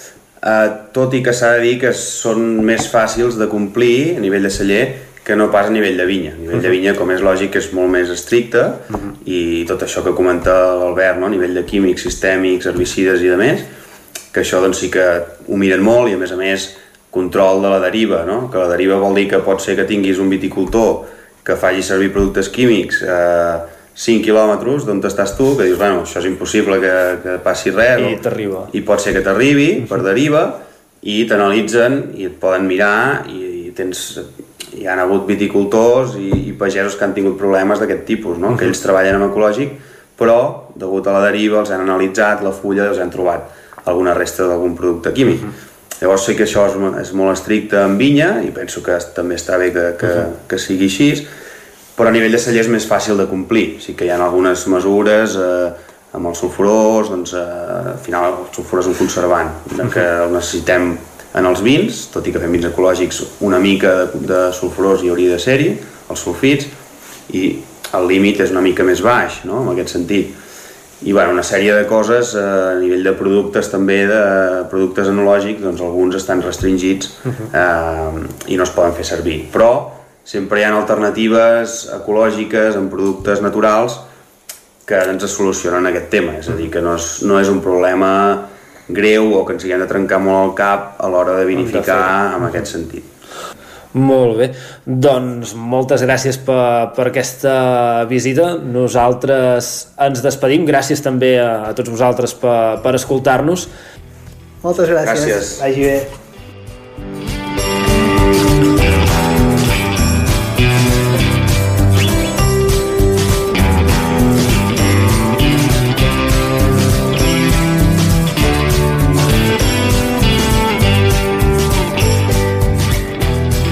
Territori 17. Doncs, oita, Vicenç, ja sabem que es fa bon vi també a les nostres contrades, eh? L'haurem de provar. Uh, per exemple, per exemple, estaria bé, això estaria bé. Uh, mentre no provem el vi, per això el que farem és avançar el que ens queda encara avui a Territori 17, perquè serem aquí, com sempre, fins a les 12 del migdia. Uh, ara farem una breu pausa, però després tornarem anant a, a descobrir Catalunya aquesta setmana al Segrià. És bonic el Segrià, eh? Uh -huh. I amb l'eix transversal és aquí tocar. Per tant, és una bona opció. També passarem per la R3 i acabarem fent un repàs a l'agenda cultural del cap de setmana també a tot el territori 17. Un cap de setmana marcat sobretot, per exemple, pel Festival de Jazz de Vic, que finalment s'ha pogut repescar i que sembla que aquest cap de setmana creuem els dits perquè, vés a saber, no es pot dir mai d'aquesta aigua no em veuré i aquest concert hi assistiré, com aquell que diu, fins una mica abans de començar però vaja, avui parlarem d'això, també del Festival de Jazz de Vic a la part final del territori eh, 17. Ara, però, una breu pausa i tornem de seguida, oi que sí, Vicenç? Fins ara. Doncs vinga, fins ara mateix, uh, 3 minuts de publicitat i tornem aquí, a Territori 17. Fins ara.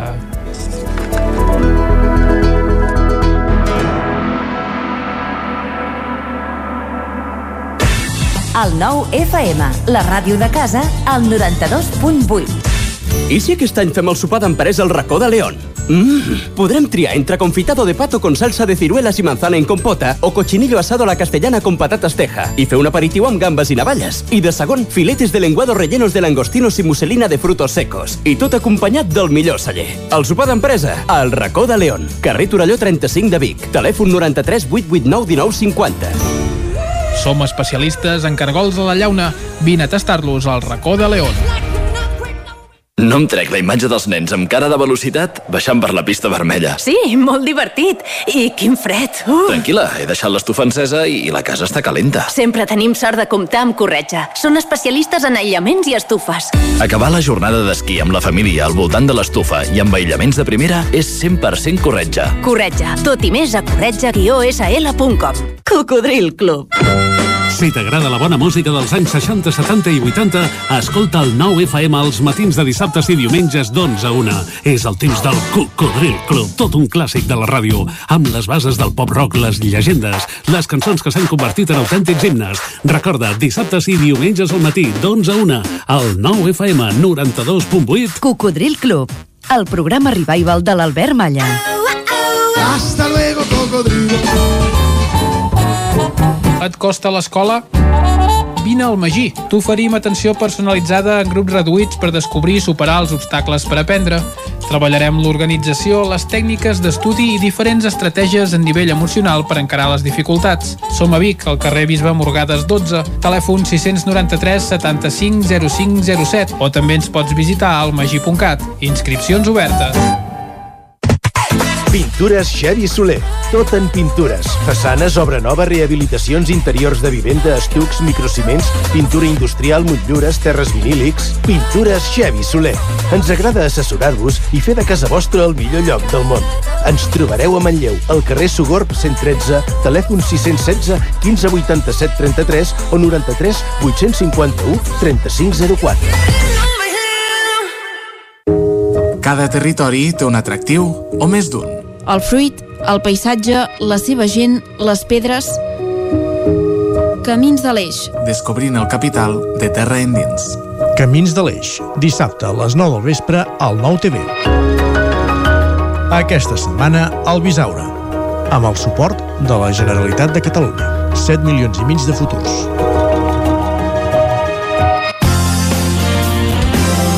El 9 FM, la ràdio de casa, al 92.8.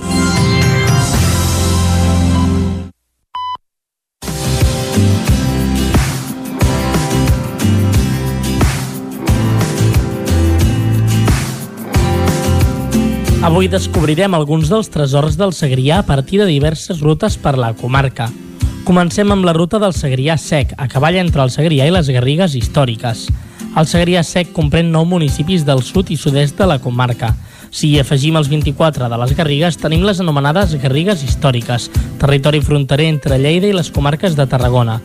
El paisatge àrid, els camps de matllers i oliveres, les recentment reconegudes construccions de pedra seca i algunes esglésies del romànic tardà són al·licients turístics i patrimonials d'aquesta terra. Sense oblidar, això sí, un dels seus grans tresors, les pintures rupestres del Cògol. Per gaudir-ho tot, Rutes de Ponent, que podeu consultar, proposa una sortida de 64 quilòmetres amb sortida i arribada a Lleida, que passa per Artesa de Lleida, Aspa, el Cògol, Torrembesses, Sarroca de Lleida i Alfés. També podeu fer la ruta a peu per la Lleida Monumental. Aquesta ruta constitueix un dels itineraris més espectaculars de la ciutat de Lleida. El més recorregut inclou el Palau de la Paeria, un dels edificis civils romànics més importants de Catalunya, la plaça de Sant Joan, espai de reunió ciutadana que conjuga el sabor tradicional amb el més modern urbanisme, i el Turó de la Seu Vella. El Tossal de la Seu Vella, punt emblemàtic de la ciutat i, sens dubte, el millor mirador sobre aquesta, alberga entre els elements del perímetre emmurallat més gran d'Europa, l'antiga fortalesa àrab de la Suda i la catedral o Seu Vella, magnífic conjunt arquitectònic romanicogòtic que consta de temple, claustre i un campanar. El Palau de la Paeria és la seu de l'Ajuntament de Lleida i un dels edificis civils romànics més importants de Catalunya. Els porxos de la Paeria és una estructura protificada construïda entre els segles XIII i XVII. L'arc de Ponent és l'antiga porta d'entrada a la ciutat, bastida del segle XIII sobre l'estructura gòtica del segle XV encara visible. La plaça de Sant Joan és una de les places més característiques de la ciutat, on destaca l'església de Sant Joan d'estil neogòtic, construïda a finals del segle XIV. L'ascensor de la Seu Vella ens elevarà fins a una altura de 60 metres. Abans de pujar a mà esquerra, podem observar els jardins de Màrius Torres, així com l'escultura dedicada a aquest poeta amb motiu del 50è aniversari de la seva mort. El visitant accedirà al recinte emmurallat per l'antic portal de Sant Andreu, des d'aquí podrem seguir la ronda dels baluarts, perímetre emmurallat de la ciutadella borbònica. A l'espigó de la llengua de serp, on trobem un grup escultòric de l'artista Rufino Mesa, es pot gaudir d'una de les visites més boniques de la ciutat. La Seu Vella, l'antiga catedral, és d'estil romànico-gòtic i accedirem per la porta de Sant Berenguer. En sortir de la Seu Vella podrem observar l'antiga fortalesa musulmana, la Suda, ubicada a la Roca Sobirana, des d'on es divisa l'altra part de la ciutat. Baixant de la Suda passarem al baluart de la Reina, des d'on obtindrem una magnífica vista de la ciutat de Lleida i des d'aquí retornarem a l'ascensor per iniciar el descens. Territori 17. Doncs ja em venen ganes d'anar a Lleida, perquè cal dir que és, és molt bonica la ciutat de Lleida, tot i que és veritat que no és gaire aconsellable aquests dies al cap de setmana aprofitar per fer turisme gaire més enllà del costat de casa nostra. Exacte, i Per a tant- més en aquestes grans poblacions on s'hi concentra gent. Correcte. Conclusió, ens ho guardem i Mhm. quan es pugui, doncs, excursió cap al Segrià. Home, ara ja sabem que a Lleida es pot viatjar amb tren de Rodalies, es pot eh, viatjar amb el tren d'alta velocitat, es pot viatjar amb ascensor, també, ens acaben de dir. Sí, també, exacte. Tot per i que el, tant- me- el més aconsellable per anar-hi, per això jo crec que és el cotxe, uh, que l'eix transversal, uh, tu, uh, l'últim cop que hi vaig anar, que va ser aquest estiu, amb una hora i 20 minuts t'hi plantes, és a dir, que és aquí al costat. Doncs, Però, però bé, uh, respectant els límits de velocitat, Sí. això que quedi clar. Sí, sí, tots, tots, evidentment. Uh, anem a la R3, Anem a la R3. on també respecten sempre els límits de velocitat. I més i tot. I, anem-hi. A Tren d'Alba. Cada dia els usuaris de la línia R3 de Rodalies que veuen sortir el sol des d'un vagó ens expliquen les gràcies i les penes del primer comboi que uneix Ripoll i Barcelona. Benvinguts a Tren d'Alba. Ara fa uns dies que l'Ajuntament de Vic va anunciar per Twitter que segueix insistint perquè reparin les escales mecàniques de l'estació de tren. Segons sembla, DIF ha informat que es troben fora de servei per una avaria de gran magnitud i que en el pla Ascende 2020-2023 està programat renovar i millorar-les completament. De moment, Rodalies ha demanat el peritatge i la reparació de l'equipament per recuperar el seu funcionament tan aviat com es pugui. A hores d'ara, la reparació està en procés de contractació. Va, a veure si la Núria ens explica millors notícies a la crònica d'avui. Bon dia des de l'R3. Avui el tren ha sortit 6 minuts tard de Vic i ha arribat a Sant Andreu Arenal, perquè avui tornat a venir a Sant Andreu Arenal 4 minuts tard. Aquest matí ha passat una cosa curiosa i és que el tren ha marxat tard de Vic perquè estàvem esperant el que pujava cap a la Torre Carol.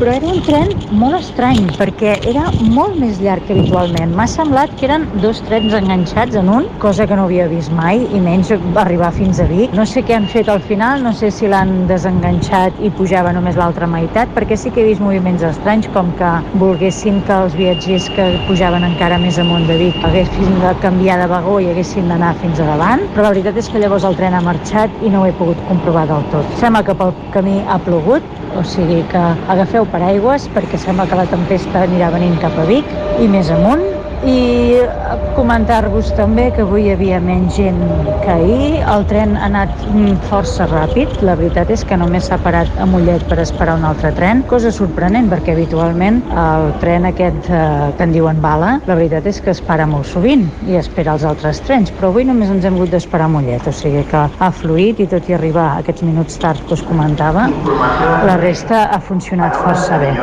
El viatge ha passat sense adonar-me'n i eh, també he constatat, cosa que no ho tenia comprovat, que a Mollet també hi ha un pas a nivell, que només tenia comprovat el de la Garriga. Com a colofó final del missatge d'avui, constatar que els grups de WhatsApp, cosa que no té res a veure amb el que us explicava, però que me n'he donat avui, és una reflexió. Si els grups de WhatsApp els respectem i cadascú fa només el que està previst per aquest grup de WhatsApp, penso que és la nova manera de fer comunitat en els temps que corren. Entre totes ens podem ajudar, podem aportar informacions i continguts que siguin útils per la resta i que entre unes i altres doncs això, ens podem fer companyia i ajudar en dificultats o en necessitats d'informació. Fins aquí a la meva crònica d'avui. Us saludo des de la R3, la Núria un cop més i demà hi tornem. Una abraçada, adeu-siau. Doncs dona, per un dia que apareixen els trens llargs que tant demanaven per evitar que la gent vagi apilada com llaunes de sardines, s'agraeix que n'hagi passat un. El que no és tan normal és el tema del tren bala, que para a totes les estacions i no compleix la funció que ha de fer. Va, ens retrobem demà i recordeu que ja portem un retard acumulat de 2 hores i 41 minuts des de l'inici d'aquest mes de setembre. Territori 17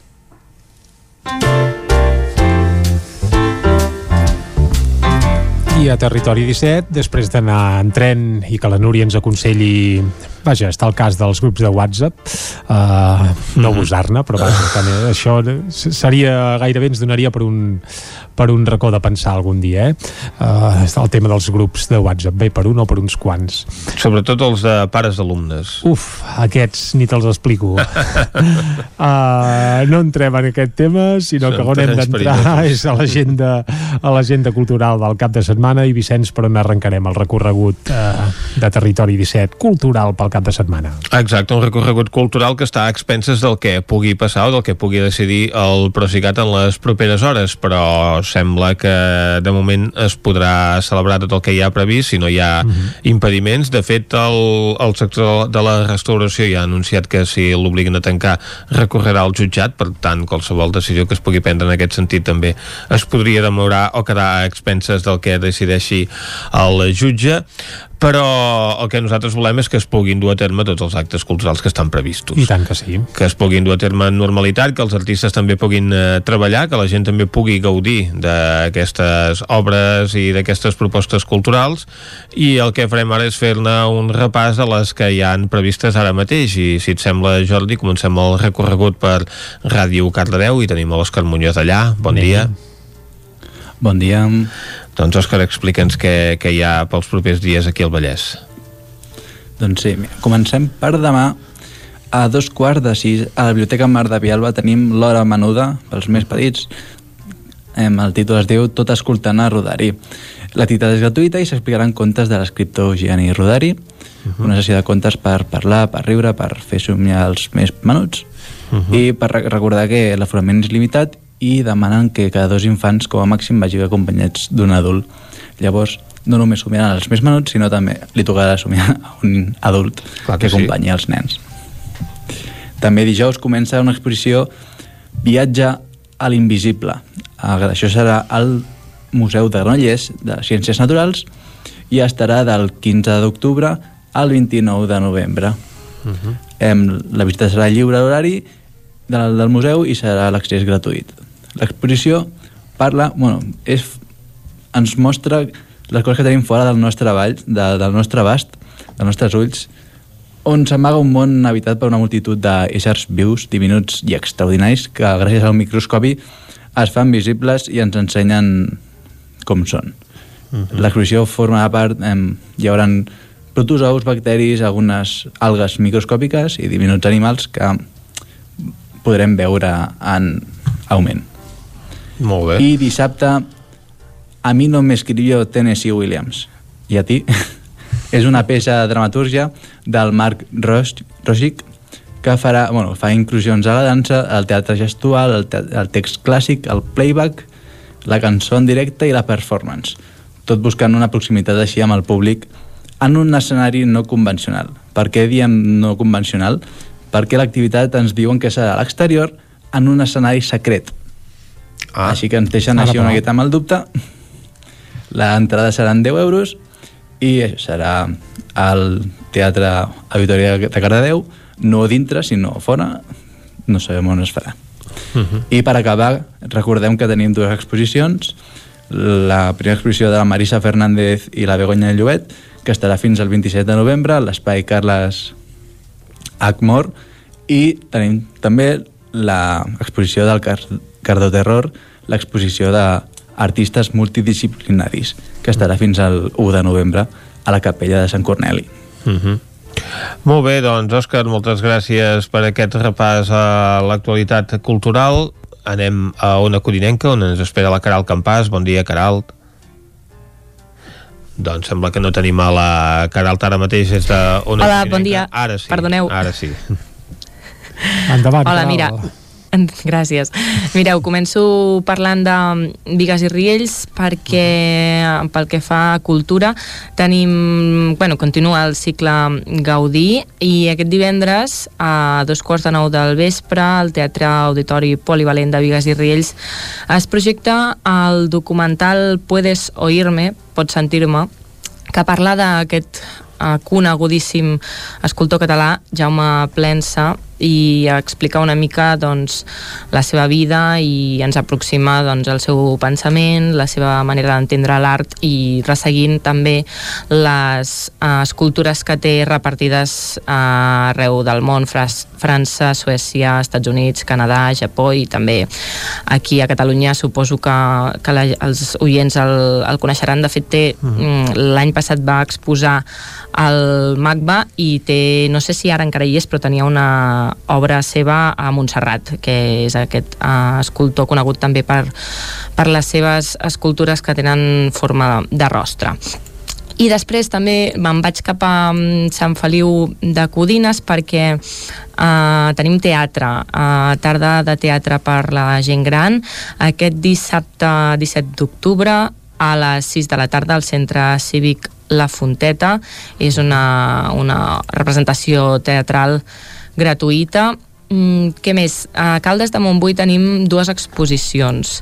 Uh, una és uh, l'exposició Caldes desapareguda, que es podrà veure del 10 d'octubre fins al 10 de gener. Uh, aquesta exposició sorgeix d'un llibre que és un recull fotogràfic de Raquel Castellà, eh, editat per l'editorial F2 en col·laboració amb l'Ajuntament de Caldes i en aquest eh, llibre fotogràfic doncs, es, podran, es poden veure fotografies eh, de, de Caldes mm, des de finals del segle XIX fins a, principis de, del XX i han agafat aquest llibre i l'han transformat en una exposició que com comentaves podrà veure fins al 10 de gener al Museu Termàlia.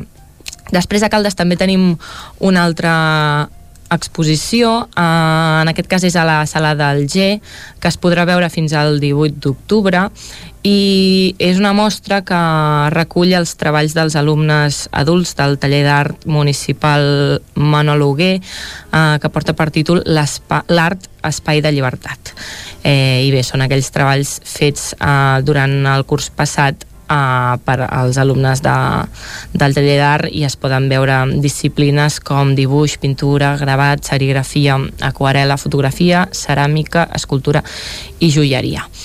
Després, no deixo caldes perquè uh, aquest diumenge 18 a la sala de gran del casino a les 8 del vespre acull l'actuació de l'Esbart de Rubí uh, per un preu de 12 euros. I també comentar que Caldes mateix, um, com bé ens explicava ahir la presidenta d'Acció Cívica Calderina Vicenta Pallarès, uh, Caldes acull la quinzena trobada de catifaires de Catalunya aquest dissabte. I per acabar, obro una finestra al Moianès i és que aquest dissabte a Castellterçol a les 9 del vespre al centre Espai Escènic hi ha un espectacle de dansa After the Party amb Thomas Non Dance i que Thomas Non va ser finalista dels Premis Max en la categoria millor intèrpret masculí de dansa per aquesta peça que es podrà veure, com deia, a Castellterçol aquest dissabte a les 9 del vespre per un preu de 12 euros i mig. D'acord, doncs eh, moltes gràcies, Caral. A vosaltres. Anem a la veu de Sant Joan, on ens espera l'Isaac Muntades. Bon dia, Isaac. Bon dia, nois. Uh, doncs va, bon si us dia. sembla, comencem per aquest divendres a les 7 de la tarda per uh -huh. explicar-vos la gincama que es farà al Museu Etnogràfic de Ripoll. Aquesta activitat està emmarcada dins del Festival de Senderisme del Ripollès que es fa aquest cap de setmana i és una activitat doncs, que es pot fer tant en grup, en família o en amics i que consisteix a fer la gincama del museu i en trobar uh, tot un seguit d'objectes a les vitrines d'aquest edifici i desxifrar la resposta doncs, a, aquest, a aquests trencaclosques.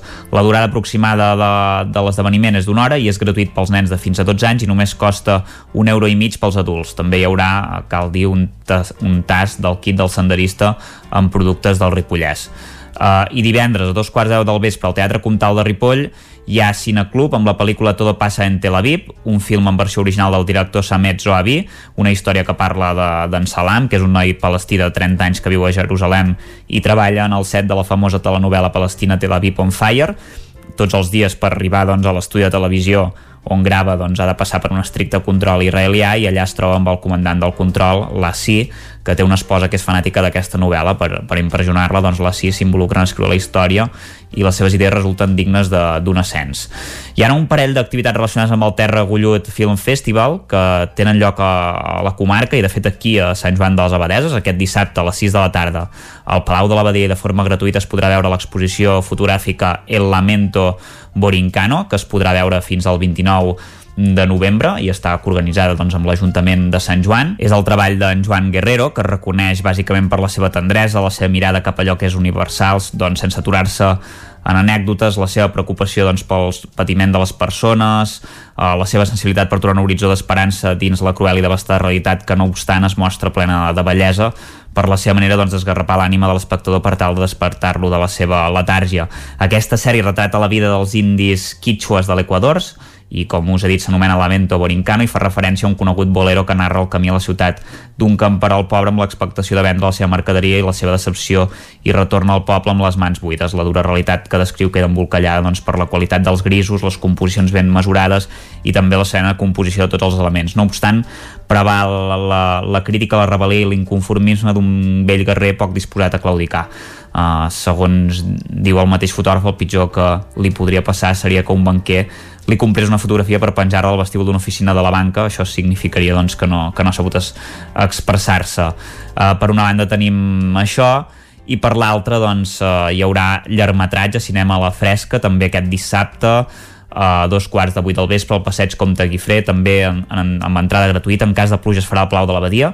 Es diu eh, el llargmetratge des de Durban cap al futur, i bé, és una pel·lícula en versió original, subtitulada en català i amb àudio doncs, amb diversos uh, idiomes, dura uns 40 minuts, la direcció és de Dylan Mohan i bàsicament des de Durban cap al futur està rodat durant la conferència internacional sobre la SIDA, la que és la de major envergadura sobre salut mundial, i arriba a Durban, a Sud-àfrica, una altra vegada l'any 2016, després d'una primera edició l'any 2020, i la conferència de l'any 2020 doncs, va ser un punt d'inflexió que va promoure un enorme avenç en l'accés al tractament d'aquesta malaltia a escala global, i en la pel·lícula bàsicament es visiten a cinc activistes coneixent el seu treball a Sud-àfrica, Guinea, Espanya, Hongria i Índia, que treballen doncs, per assegurar el tractament i una salut de qualitat per a la gent més vulnerable i, i marginada. S'escoltaran doncs, en, aquest, en aquesta pel·lícula les esperances i visions sobre el futur, el seu sentit sobre què és possible i els seus clams per renovar doncs, el compromís amb la lluita universal de la salut.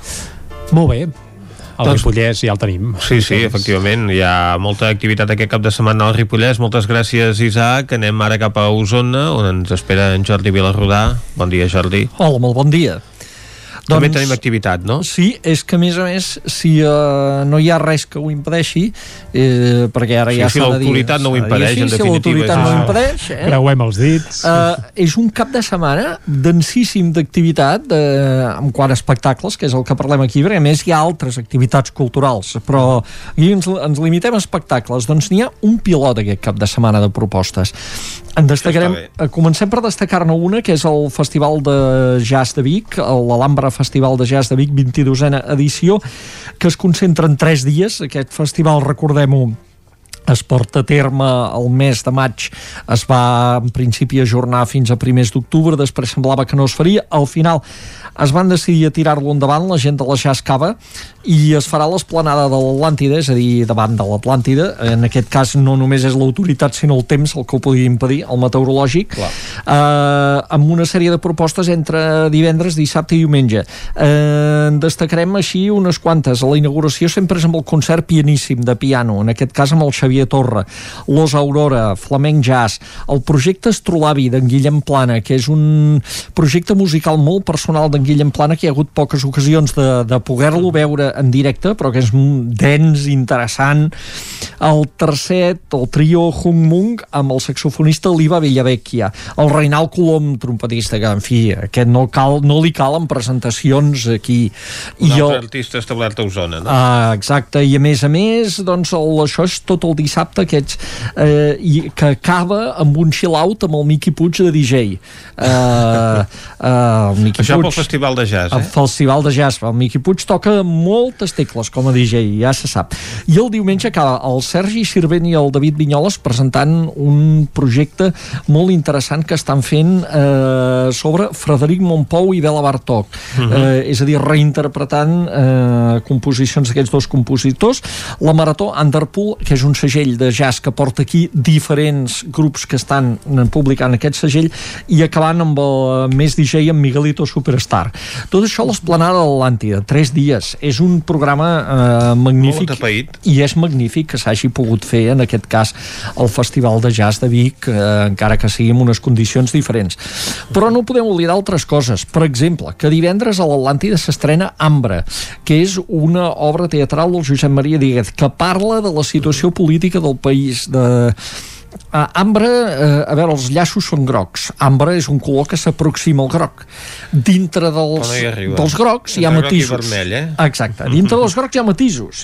I, i uh, ell parla, uh, o sigui, ell vol abordar això del, de que uh, estem barallats uh, en aquesta societat catalana, estem fraccionats, uh, s'introdueix doncs, en un àpat familiar per parlar d'això, amb actors com el, el Pau Mornell, la Ivet Callís, nostre, l'Enric Barba eh, eh, i ell doncs a la direcció, a més a més d'autoria direcció, el Josep Maria Diegue d'això s'estrena a l'Atlàntida i és una coproducció de teatres d'Osona que per tant es podrà veure també a Call d'Atenes i el Sirviano mm. eh, el Ferran el, després, dissabte eh, no correm però haurem de, hem de córrer perquè, perquè se'ns acabarà el temps el dissabte comencen els grans concerts a l'Atlàntida. És la desena edició d'aquest cicle que s'ha volgut que fos eh, una, un senyal d'identitat de l'Atlàntida des del moment que va començar. Fixem-nos 10 anys, que són els mateixos que té l'Atlàntida, per tant, des del seu mateix inici és el cicle que es vol que identifiqui eh, d'alguna manera aquest segell d'atenció especial a la música clàssica que vol tenir l'Atlàntida. I en aquest seu desè aniversari uh -huh. comença amb un nom usonenc, el baríton manlleuenc eh, Ferran Albric, que és un dels valors que hem d'estar molt cas perquè és una de les veus més prometedores que hi ha al nostre país i és una de les figures de la que sentirem parlar. Bones veus a Manlleu. Bones veus a Manlleu, acompanyat per la pianista Carmen Santamaria, eh, un repertori de liat alemany, cançó catalana, cançó francesa, i eh, en Jordi Domènech, cantant uh -huh. també i compositor, intervindrà al començament i entremig del concert fent alguns comentaris en el mateix acte del concert, que es vol que d'alguna manera tingui un caire eh, pedagògic en aquest sentit, i és l'inici del cicle de grans concerts d'aquest any i diumenge teatre per passar-ho bé en aquest cas que és una cosa que ja ens convé anar a riure una mica anar a riure una mica és una cosa que ja ens convé i és amb la comèdia El pare de la núvia i només cal dir eh, qui és nom. el pare de la núvia? Joan Pera, ja està, ja està Joan Pera eh,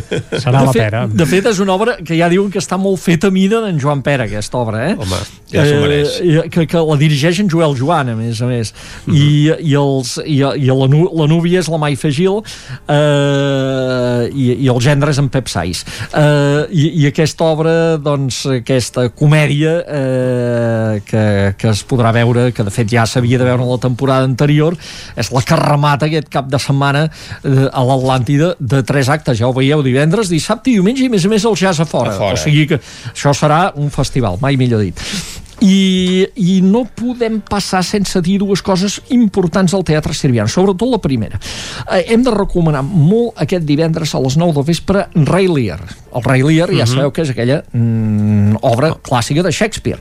Eh, la reinterpreta eh, una companyia que es diu Atalaya Teatro, que aquí a vegades no estem gaire al cas del que passa, diguem, en, en l'escena espanyola, però I, Atalaya i Teatro al revés igual. és una, i al revés igual, és O una més. de les grans companyies, és una de les grans companyies teatrals espanyoles de teatre independent, amb el seu director, el Ricardo Iniesta, un figura.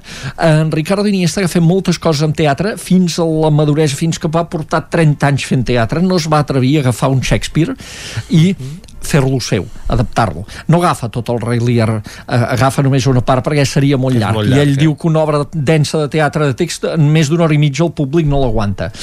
Però va fer uh, una adaptació del Rei Lear salvant l'essència i salvant el vers, en castellà, sí, però el vers, perquè Shakespeare sense vers, com, No diu, com diu el director, no seria res. O sigui, en salva el vers. I és una obra sorprenentment actual d'aquest personatge que comença autoritari, esdevé una mena de boig, eh, el Rei Lear, i acaba amb una lucidesa sorprenent i actual, fins i tot amb coses que ens poden fer pensar en els nostres dies. És eh, de les coses que no ens hauríem de saltar si podem també aquest cap de setmana, divendres a les 9 del vespre al Sirviano.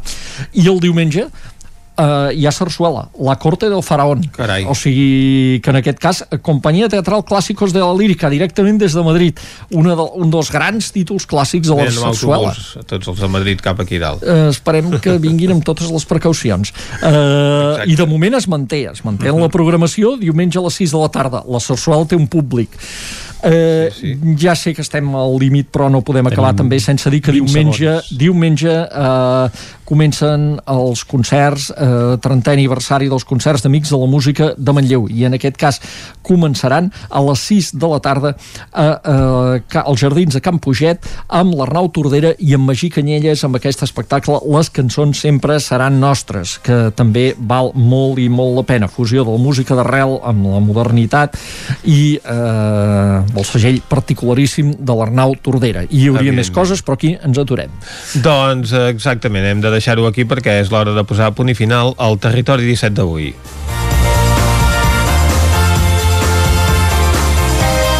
Doncs anem per acabar. Ah, exacte, un territori 17 que us hem fet Clàudia Dinarès, Caral Campàs, David Auladell, Isaac Muntades, Pepa Costa, Òscar Muñoz, Isaac Moreno, Jordi Givert, Jordi Vilarrodà, Jordi Sunyer i Vicenç Vigues. Nosaltres tornarem demà, com sempre, des de les 9 del matí i fins a les 12 del migdia. Adeu. Ciao.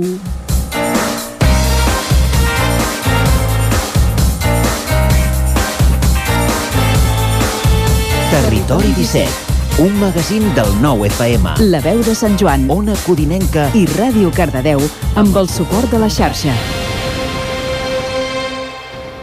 El nou FM.